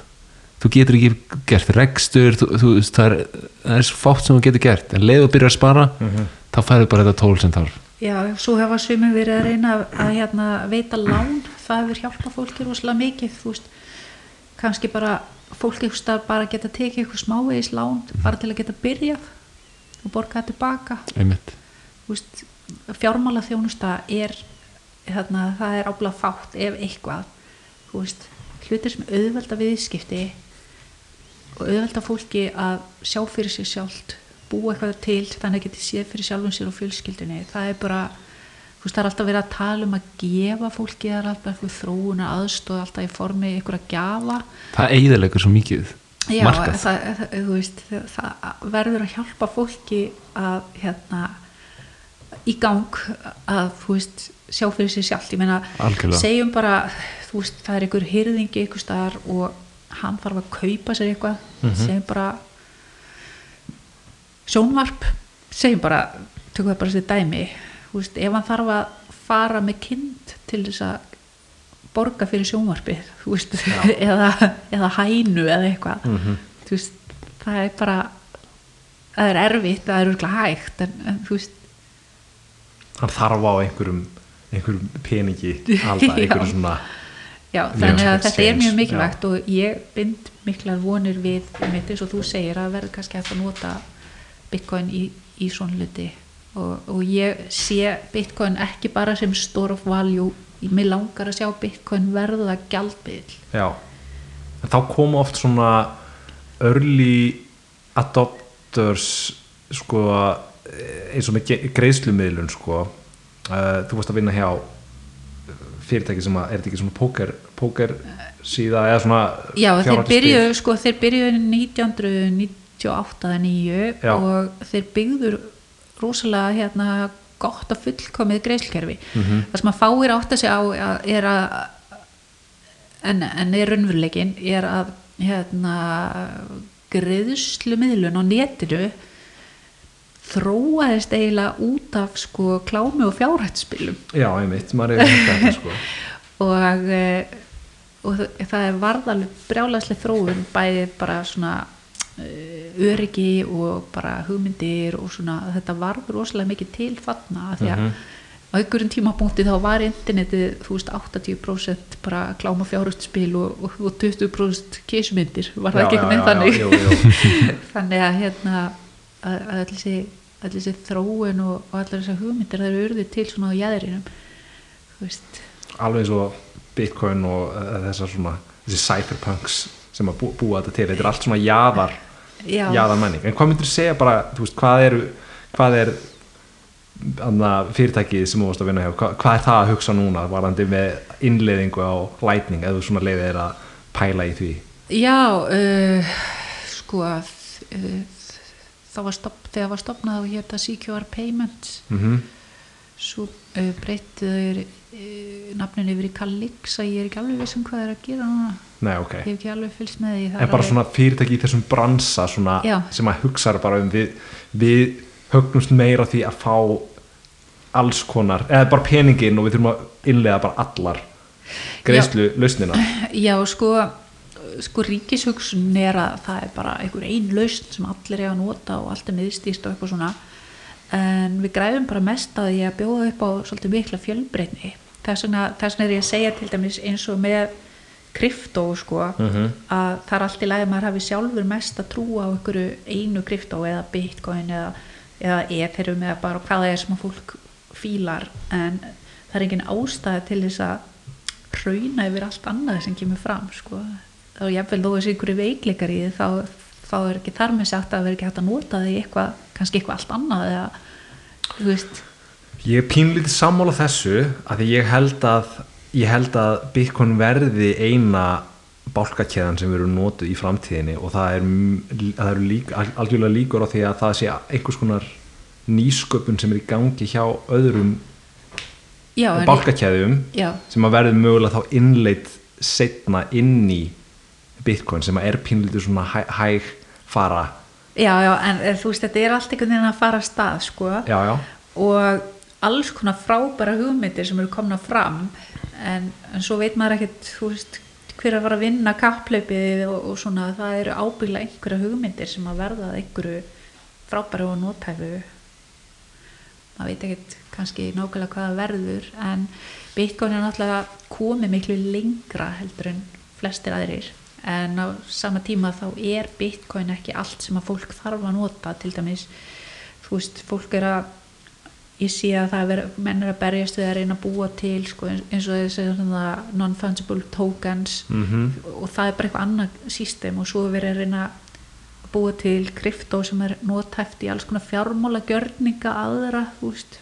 Já, bara svona eins og smart contracts og annað slíkt. En það er, sko, ég hef eitthvað séð um uh, að það sé mögulega hægt að búa til NFTs á Bitcoin bálkakæðu á svona, að því að Bitcoin er raun og þú getur hugsað um það sem lagskipt, þú ert með bara svona grunnlægið já, sem að getur höndlað sex hérna, færslur á sekundu Já. sem er ekki nóg fyrir allt mannkynni þess vegna þarf að búa til lausnir á lægi tvö já, sem er Lightning Network sem er svona instant greiðslur já, uh, og svo ertu með annað kerfi sem heitir Liquid sem að er, er, er svona smart contract kerfi.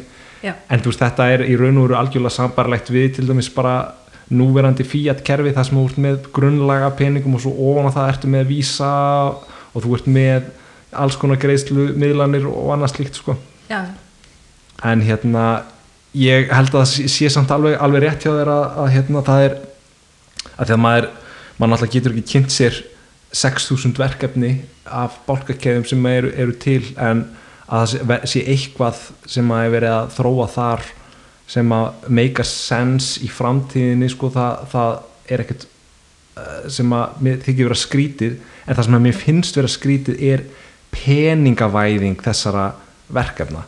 Að það sem að þessi verkefni ætti í raun og veru að gera er að bara gera svo önnur fyrirtæki sem er að bjóða upp á einhvers konar lausnir Já. vörur og þjónustur að bara stopna fyrirtæki og, og gera það sem slíkt bálkakeðan er í raun og veru notu sem einhvers konar hækja mínu, mínu mati til þess að, að plata fjárfesta sem að vita ekki betur að því að við erum í ákveðinu svona vilda vestris stemmingu því að það eru allir að reyna að græða pening í þessu kryptodóti og það veit ekki nákvæmlega hvað er í gangi og þetta er aldrei flókið skilur já, já.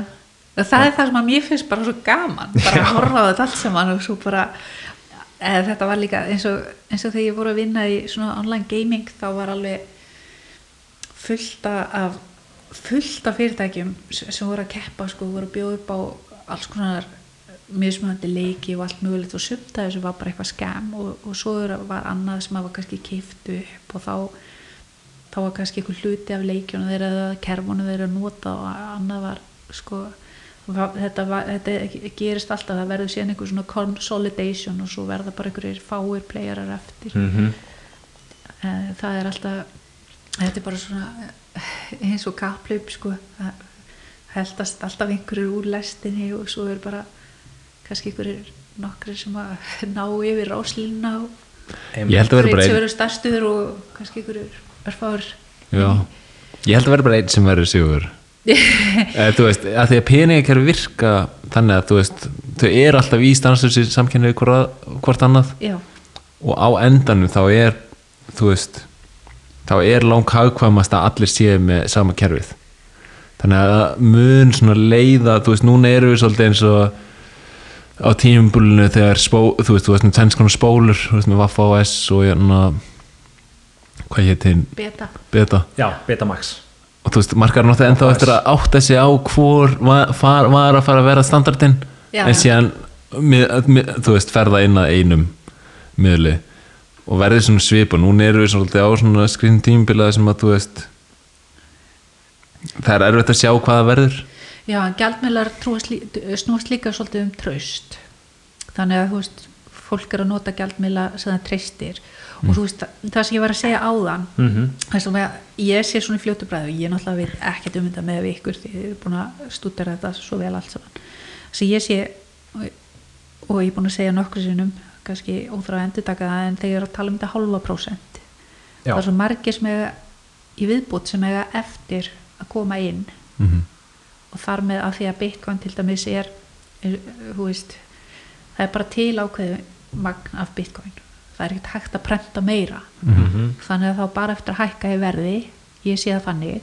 Og síðan að því að sko heimskjaldmiðlin hefur svolítið verið bandaríski dollarin og fyrir ekki þó ég segi það þetta lítur ekki vel út núna. Það er bara peningamaskinn er bara brrr þannig að prentvelin hjá þeim Yep. sko, og hann verður bara verminni og verminni og verminni pluss er komin sko, mjög há verðbólka með að við þú veist það verður ekki verið svona há verðbólka síðan hvað, Jimmy Carter var hérna já. in the 70s Þetta var bara að byrtast, Já. það voru nýjur tölur að byrtast í gæri að fyrra dag 6,8% verbulga í bandaríkjunum við hérna CPI á november uh, og það eru tölunar sem að er verið að sína okkur skilur og það eru mjög margir sem eru gaggrinir á hvernig þessi tala er reiknuð út Já. og eru að tala um að hún sé í raun og eru mun mun hærri en þá sjáum við sko að sko bitcoin er ekki bara í sjálfu sér kannski að verða verð meira af því að það er alltaf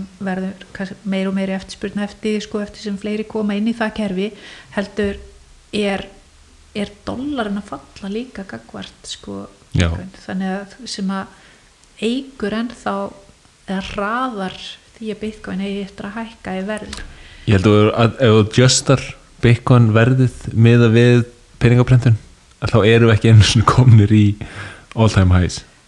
Já, ok, já. Með við 2017 Já, þú veist bara eins og ég var að segja dollarin var hérna, 10 dollarar voru 10 gullpenningar árið 1913 núna getur þú kannski fikið pop coke fyrir 10 dollara. Einmitt. Uh, og síðan kannski bara eftir þú veist, einhvern ákveðin tíma þá farið kannski bara Sirius lengju þú veist, fyrir 10 dollara þú Já. veist, að, að því að dollarin eða það er alltaf prenta svona rosalega mikið og bandaríska ríki alltaf að skuldsetja sig svona brjálæðislega eins og núna það er búið að vera að takast um á um, um, um þetta í bandaríska þinginu hvort að eiga samþykja eitthvað hvað 2,5 triljónir dollara í eitthvað viðbótar eðslu Hækka skulda það ekki?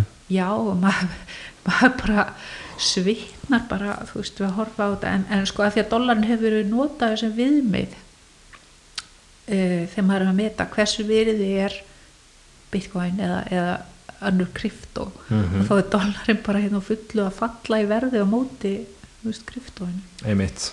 Já, og það er erfitt að gera sig grein fyrir í dag hvað er að fara upp í verði og hvað er dollarin bara að falla. Já, og síðan eru eins og allt fólk sem að er ekki fætt í gær hefði átt að geta að sé að hérna loftslagsmála uh, ofstakið allt saman hefur orðið til þess að Evrópuríkin eru búin að eiðilegja bara orkuframleiðsluna hjá sér búin að Þýskaland er búið að hérna, taka niður kjarnorkverinn frakkar hafa reyndar ekki gert það þannig að þeir eru mjög betur settir. Það er búið að byggja hérna alls konar uh, ykkur að grænar lausn, ykkur að vindmilugarða og sólarpanel og eitthvað dót og þetta virkar ekkert. Þetta virkar stundum en, en, þetta er þessu óáræðanlegu orku, orkugjafar.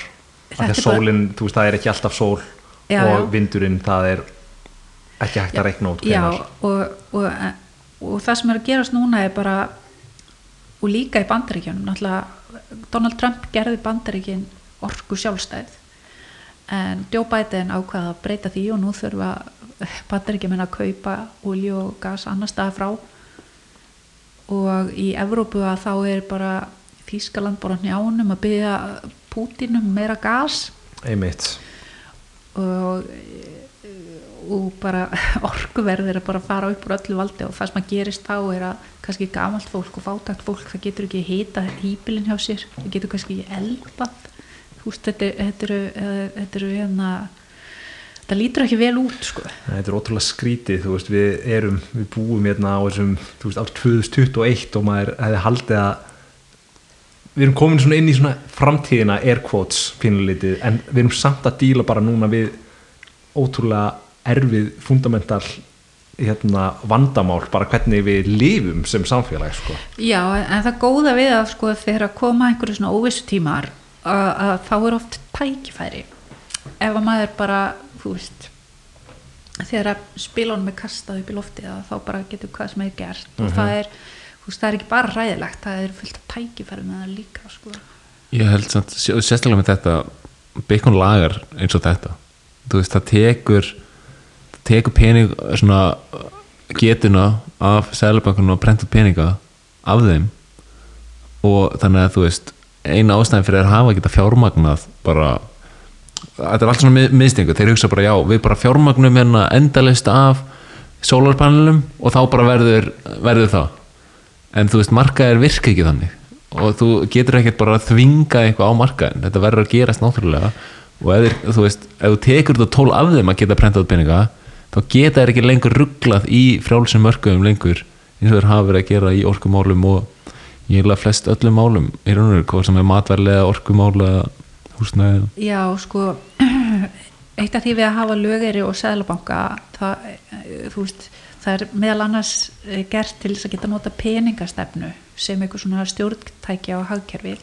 Og peningastefnan er bara endutekið notuð til þess að ræna almenning bara notuð til þess að hérna, gjaldfella uh, gjaldmiðlin til þess að í rauninni fá, taka pening af fólki og, og færa hann til ríkisins með því að þinna kaupmátt já, núverandi peninga eigna fólks Já. með því að framlega meiri pening Já. bara ég hugsa um þetta alltaf sem, sem djúskönnur, út með djús sem er bara gott að bræða í könnunniðinni og svo eitna, fær, fær, ég gef þér glaskilur og ég er búin að vinna mér inn fyrir þessu djúsi en svo kemur einhver og hellir vatni í könnun og fyllir á hana en það er ekki sama djúsi sko. nei, nei, þetta er bara að vera að þinna út já, bræða máttin fara alltaf minna og minna og minna fyrir peningin sko. og þetta eru peningar sem þú vannst þér fyrir í sveita þíns andlit svo allt einu bara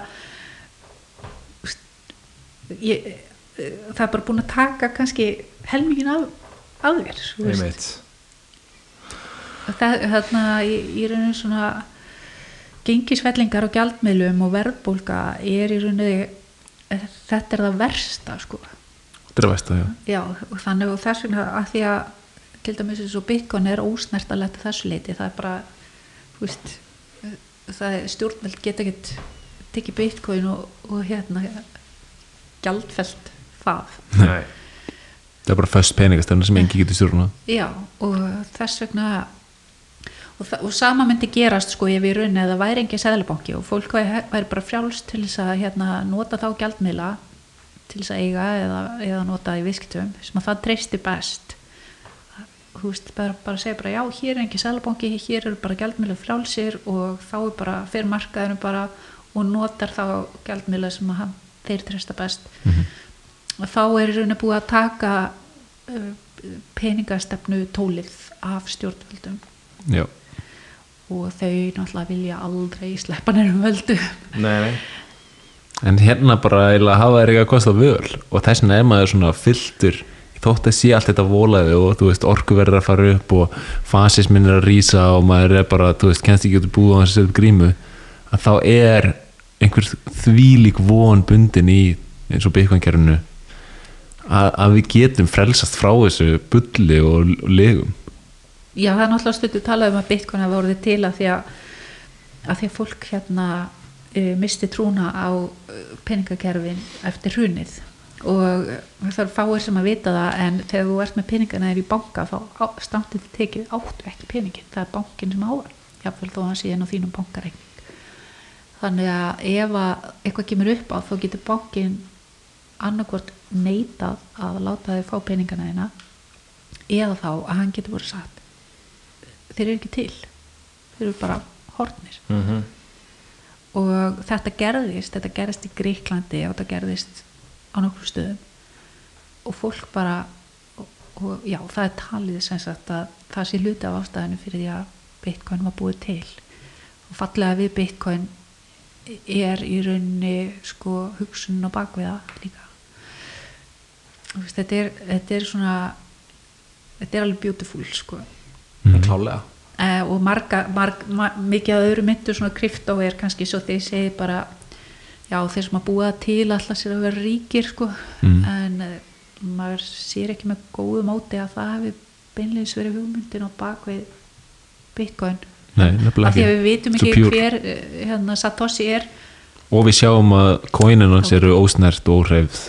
Já, og hann hefur ekki látið heyri í sér síðan 2011 já, þannig að við vitum ekki þú veist hvort að hann eða ef það var hópur af fólki þú veist hvort að þeir allir sér að græða á þessu eða hvort að það lítur alltaf allt út fyrir að þeir ætla ekki að gera já, og það er alveg bara svona alveg einstakt einhvern veginn. Já, þetta er eiginlega þessi saga er lígileg sko. Hún er svo líleg, þetta er svo einstakt fyrirbreyði og bara að því að þú varst að tala um að hérna svo skríti af hverju, af hverju það var ekki búið að hérna uh, skvosa bitcoin basically, þú veist að, þetta er klálega ógn í dag gegn núverandi, núverandi kerfum.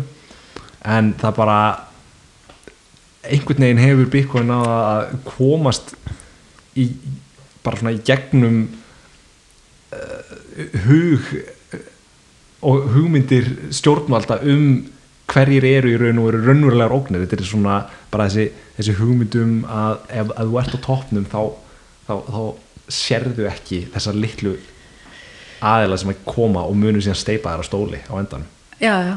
Um, það er já, það er bara eins og iPhone gerði til dæmis við, já, við Blackberry eða ekki? Jú, þú veist bara hérna Blackberry var bara þú veist ekki maður með mannum nú og er með Blackberry og svo bara overnight sko, þá kom bara iPhone og, en, en þetta hefur tekið lengri tíma og það er svona ég veit ekki af hverju mér er að segja menn sem að kannast við og eru kannski þú veist í bankakerfinu og eru bara mjög snjallir og svona eru ennþá ekki byrjaðar að pæla í þessu Nei. það eru svolítið, svolítið hissa sko Mhm. En sérstaklega með bara þegar þú veist maður er að fylgjast með á Twitter það er bara hvernig með einasta degi núna það er bara koma inn bara nánast dæglega bara fréttir af adoption út um allan heim Já. þú veist, kannski bara þú veist, litlir bankar hér og þar en þú veist, bara þetta dæmi sem ég var að nefna áðan með þísk, þíska bankan með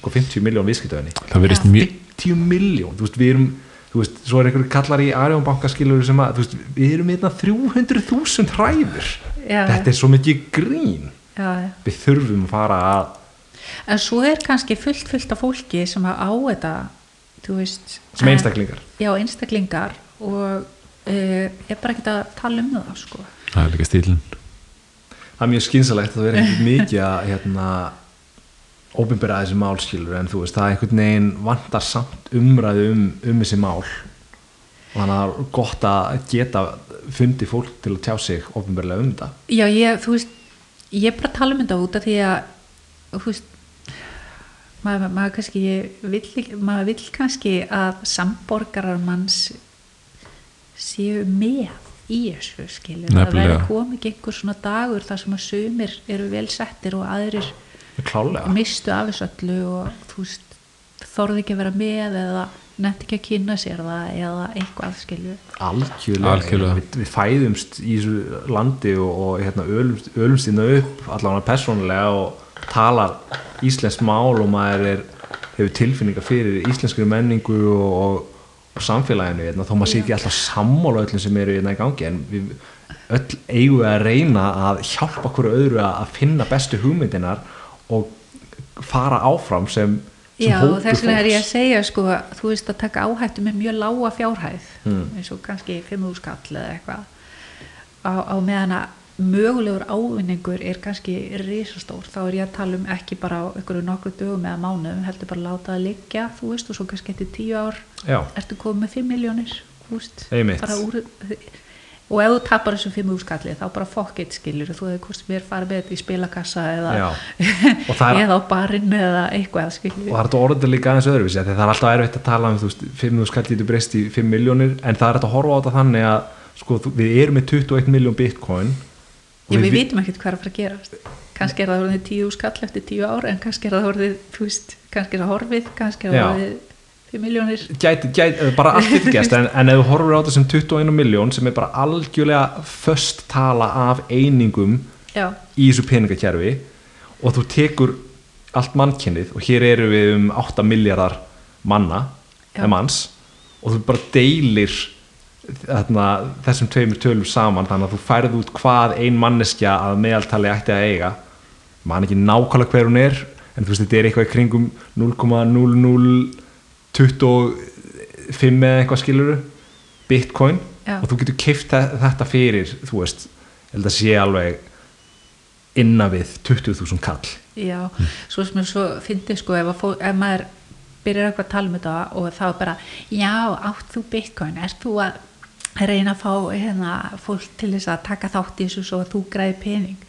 Þú veist, jafnvel þó að allir íslendingar myndu setja allan peningi í þetta þá hefðu það engin áhrif á verðið á bygguna því við erum svo fá veist, þannig að það er engin tilgangu með því að vera eitthvað að hvetja fólk til að prófa þetta því að maður alltaf hagnast á því sjálfur veist, þannig er- að það er bara fárlegt sko.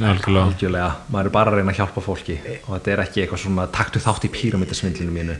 Nei, Þannig að það- nei, það er svo langt frá því að vera þannig. Þú tapar miklu frekar á því að, að hérna, fá einhvern annan inn. Einmitt. Já, já, þú veist, maður vill ekkert vera að taka þátt í einhverju hérna, píramítasvindli og fá vini sína og fjölskyldu til að taka þátt í Nei, nei, alls þetta er, ekki, þetta sko. er bara það sem ég segja ef að fólk er forvitið þú veist að þá kannski bara prófa að setja eitthvað lítið og eina bara til að sko. prófa að sjá og svo kannski hefur fólk ekki áhuga á þessu og þá er það allt í lægi eða þá, eða, þú veist, eða þá það getur kannski bara fylgst með þessu og sjá þetta það gæti hrunið og svo og verið bara nið, leiði niður í ykkur á mánuðu og svo getur það að fara upp aftur og svona, þú veist, það bara veist, það er ekkert, er verið að lofa neinu, sko.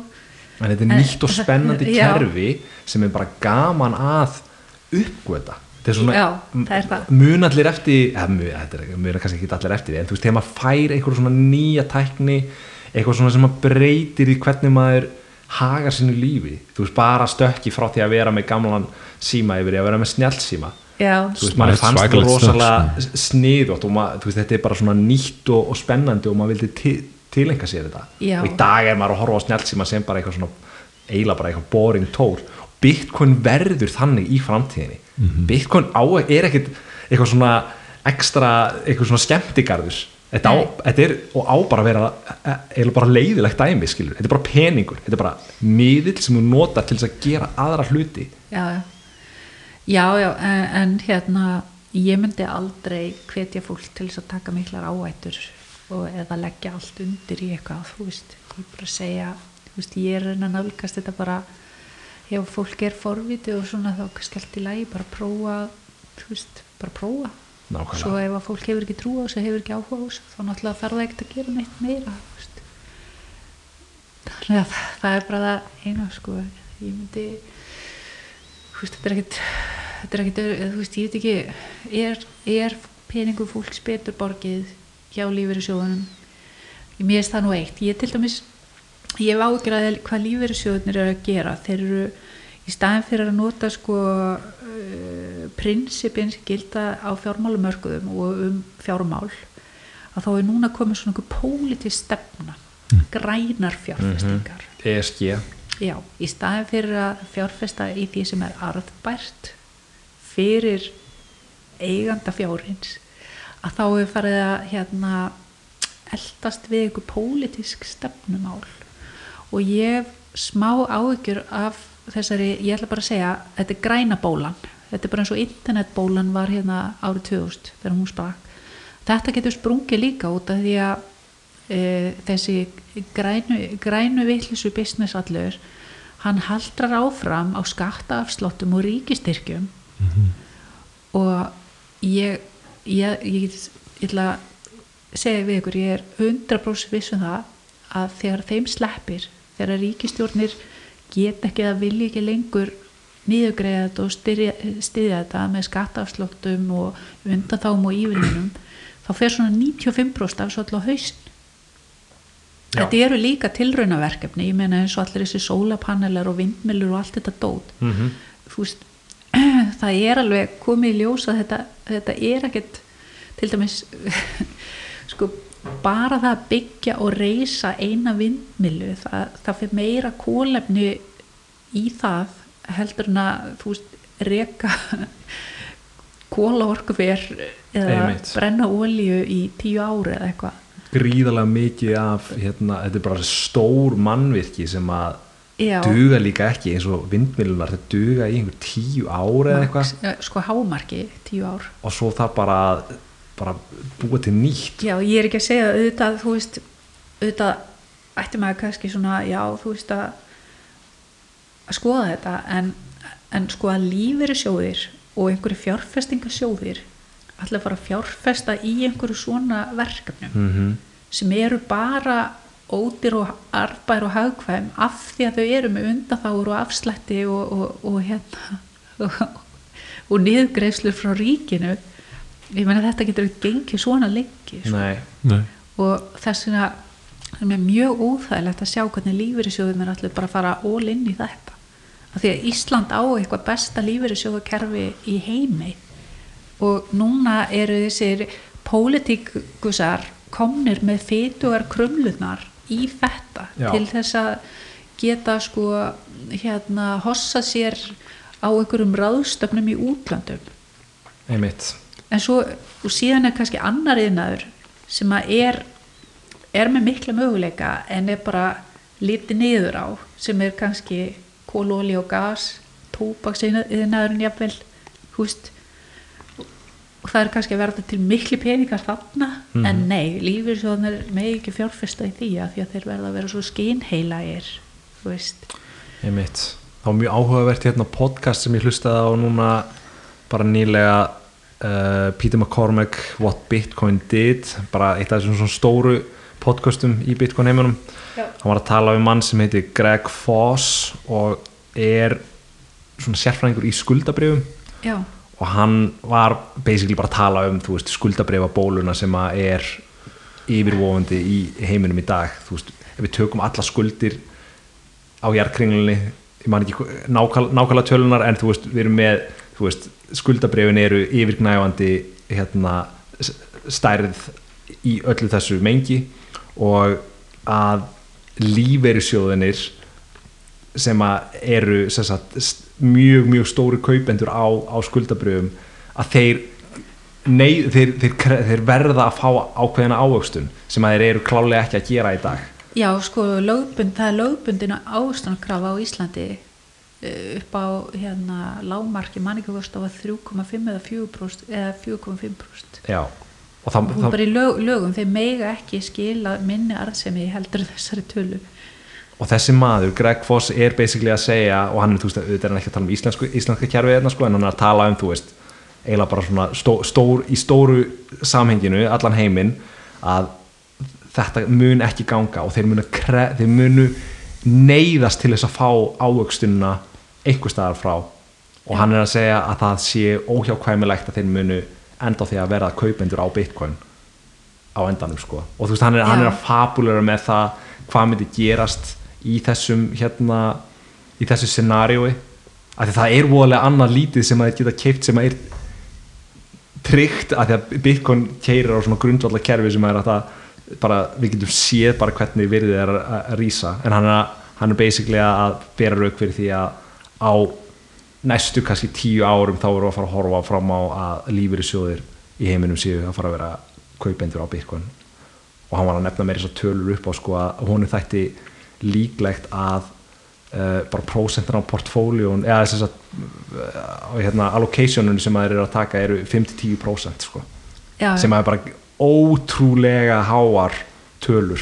Já, en það er sko meðal annars út af þessu að því mér finnst- þetta svona ekki hafa verið gott múf sko hjá lífeyri sjóðunum að, að hérna búa til einhverja pólitíska stefnu um fjárfestingar í stað, staðin fyrir að halda sig bara við bara grundvalla prinsip í fjármálum og fjárfestingum.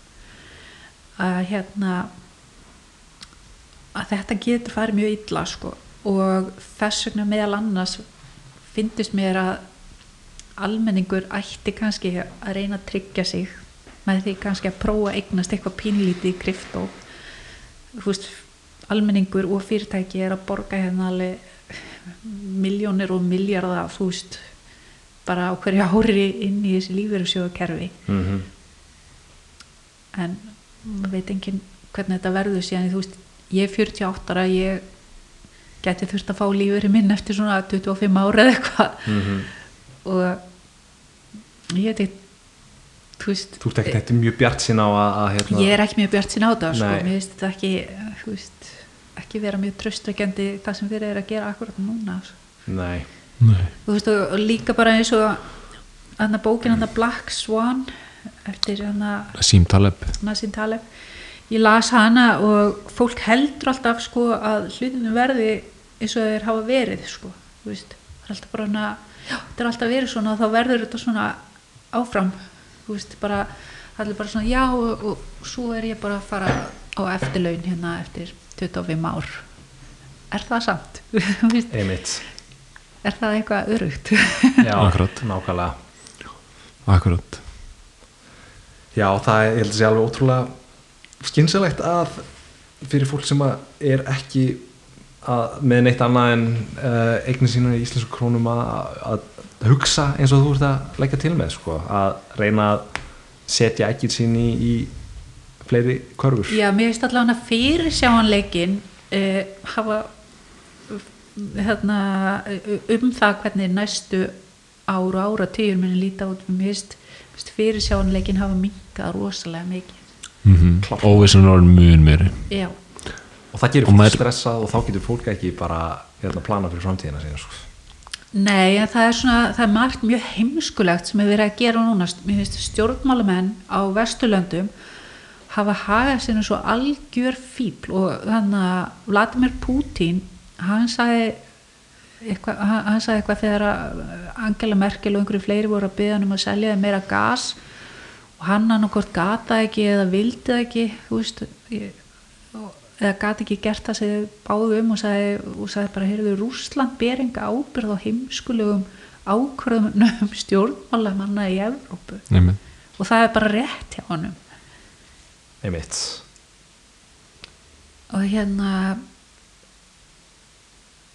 og, og það er já, eða veist, ég er náttúrulega alltaf mjög gaggrínin á, á vald og á ríkið út af því að það sem að mér veist hafa gerst er bara, þú veist, ríkið bara ofinbært bákna bara stækkar og stækkar og stækkar og bólnar út og ábyrðin, það er enginn sem ber ábyrð á neinu þegar hlutin fara úrskeiðist þá er enginn sem ber ábyrð það er alltaf verið að taka meir og meir af fólki og búa til eitthvað svona eitthvað risa bákn sem er síðan á endanum bara mjög viðkvamt fyrir þú veist, óvæntum atbyrðum og, og áföllum. Mikið bákn og mikið með, meðstýring bara, þú veist er það. Miklu meira heldur en að allt er dreift og, og hérna miklu meira sveigjanleiki í því sko algjörlega.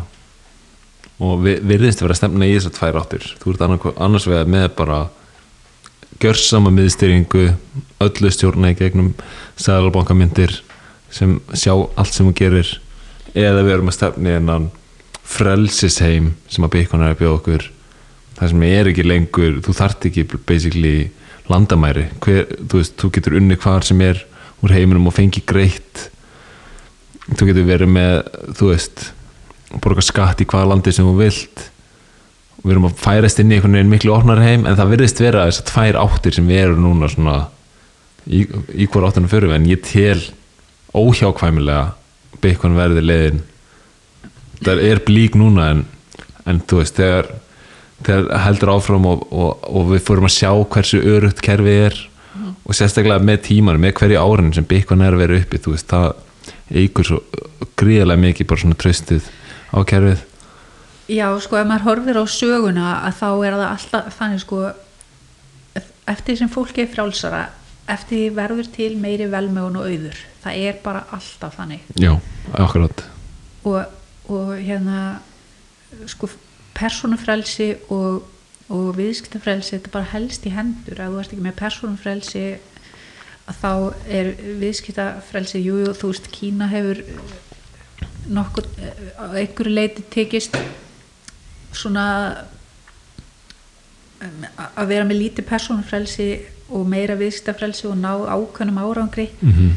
en, en þeir hafa samt sem áður þeim hefur ekki tekist að koma með mikið hugmyndum sjálfir sko. Nei, nefnilega og þetta er það sem ég þeir hef tekið eftir sjálfur skapað neitt Nei, bara hert eftir og þurfa bara að herma eftir öðrum og stela hugmyndum frá öðrum og, Mhm. og nota tækni sem aðrir hafa búið til já, þannig að það verður þú veist, það verður ekki það er rosalega mikið af fólki sem að vinnur og gerir hlutina en það er ekki sem að býra eitthvað til. Þú veist, eitthvað, eitthvað skapar eitthvað nýtt eða, eitthvað svo leis og síðan ef þú ert ekki með viðskiptafrelsi að þá bara verður ekki til neitt auður já, fólk bendir ofta á þetta bara mér er alltaf Kína saman með Indland og, sí, og þeir eru svona raukstunningi með miðstyring það virkar svo vel í Kína Hmm. sérstaklega, þú veist, þú þú sérstaklega þú veist með svona mikið af fólki þá þarf að stjórna, stjórna sem ég skjóð svona galið en ég myndi segja að þú veist Kína væri miklu betur sett hefur verið frjálsara ríki bæði, eins og það segir upp á bæði þú veist, viðskiptafrelsi og, og persónufrelsi það hefði verið miklu betri staðan þótt hún sé alveg, þú veist, freka magnað í sko. dag hvað þeir hafa gert þá, þú veist, þeir hefði getað náð miklu meira sko. Já, þeir eru bara að lemja niður sko, sköpun og, og eigið frumkvæði með því að vera ekki með persónufrelsi. Já, það er, þú veist, enginn sem að má gera neitt eða, eða, eða á þess að fá leifi og eh, og, og a- allt svona, svona einstaklishugsun það að vera eitthvað aðeins öðruvísi og prófa eitthvað og taka einhverja sjensa. Ég meina, en, en má líka segja að þú veist á Vesturlöndum, þetta er svolítið búið þú veist, kannski fyrir svona hundra árum síðan að þá var fólk kannski að smiða flugvel í bílskúrnum eða, e, eða það, þú veist gera einhverja tilraunir. Mm. en núna þú mátt ekki gera neitt nema að fá veit. Þú veist, þú veist, fá leifi fyrir öllu, þú mátt, máttu allar mála húsið á þess að fá leifi ágrís Það er dæmi mynd á Íslandi líka, þú veist, þú mátt ekki hérna Já. selja, selja hérna lambalæri beint frá bíli skilur nema, eða þú veist, það er eitthvað búið að breyta þessu en þú veist, það er erfitt til dæmis fyrir mat matvæla framleiðendur að, að selja Já, þannig að þú veist, nýsköpun og, og, og þróun er svolítið svona lami neður, jú, þú mátt að ef þú sækir um einhverja styrki hjá ríkinu og ef að ríki leggur blessun sína yfir, þú veist, og, og ekki nóg með það, sko, ég var að hjálpa einhverju manni að sækja um svona styrk og skilir þið fyrir styrkveitingunni voru, voru svona að þú veist þetta þurfti að vera kólefnisjafnað og grænt og það urða varð að vera sko hérna kynja jafnrétti og eitthvað svona. Og þetta var bara eitthvað kall sem ætlaði að fara að framlega eitthvað kalla, kalla legt út eitthvað fóður eða eitthvað og hann bara, heyrðu ég nennus ekki og hann fór bara að náði fjármagn hann annar staðar sko Ég veit, var þetta taknið þrónu sjóður? Já, ég þú veist, ég ætla ekki að segja hvað það var en, Nei. en hérna eh, veist, það er bara búið að setja svo margar hindranir út um allt, bara Já. til þess að þjóna einhverju síndamennsku og einhverju svona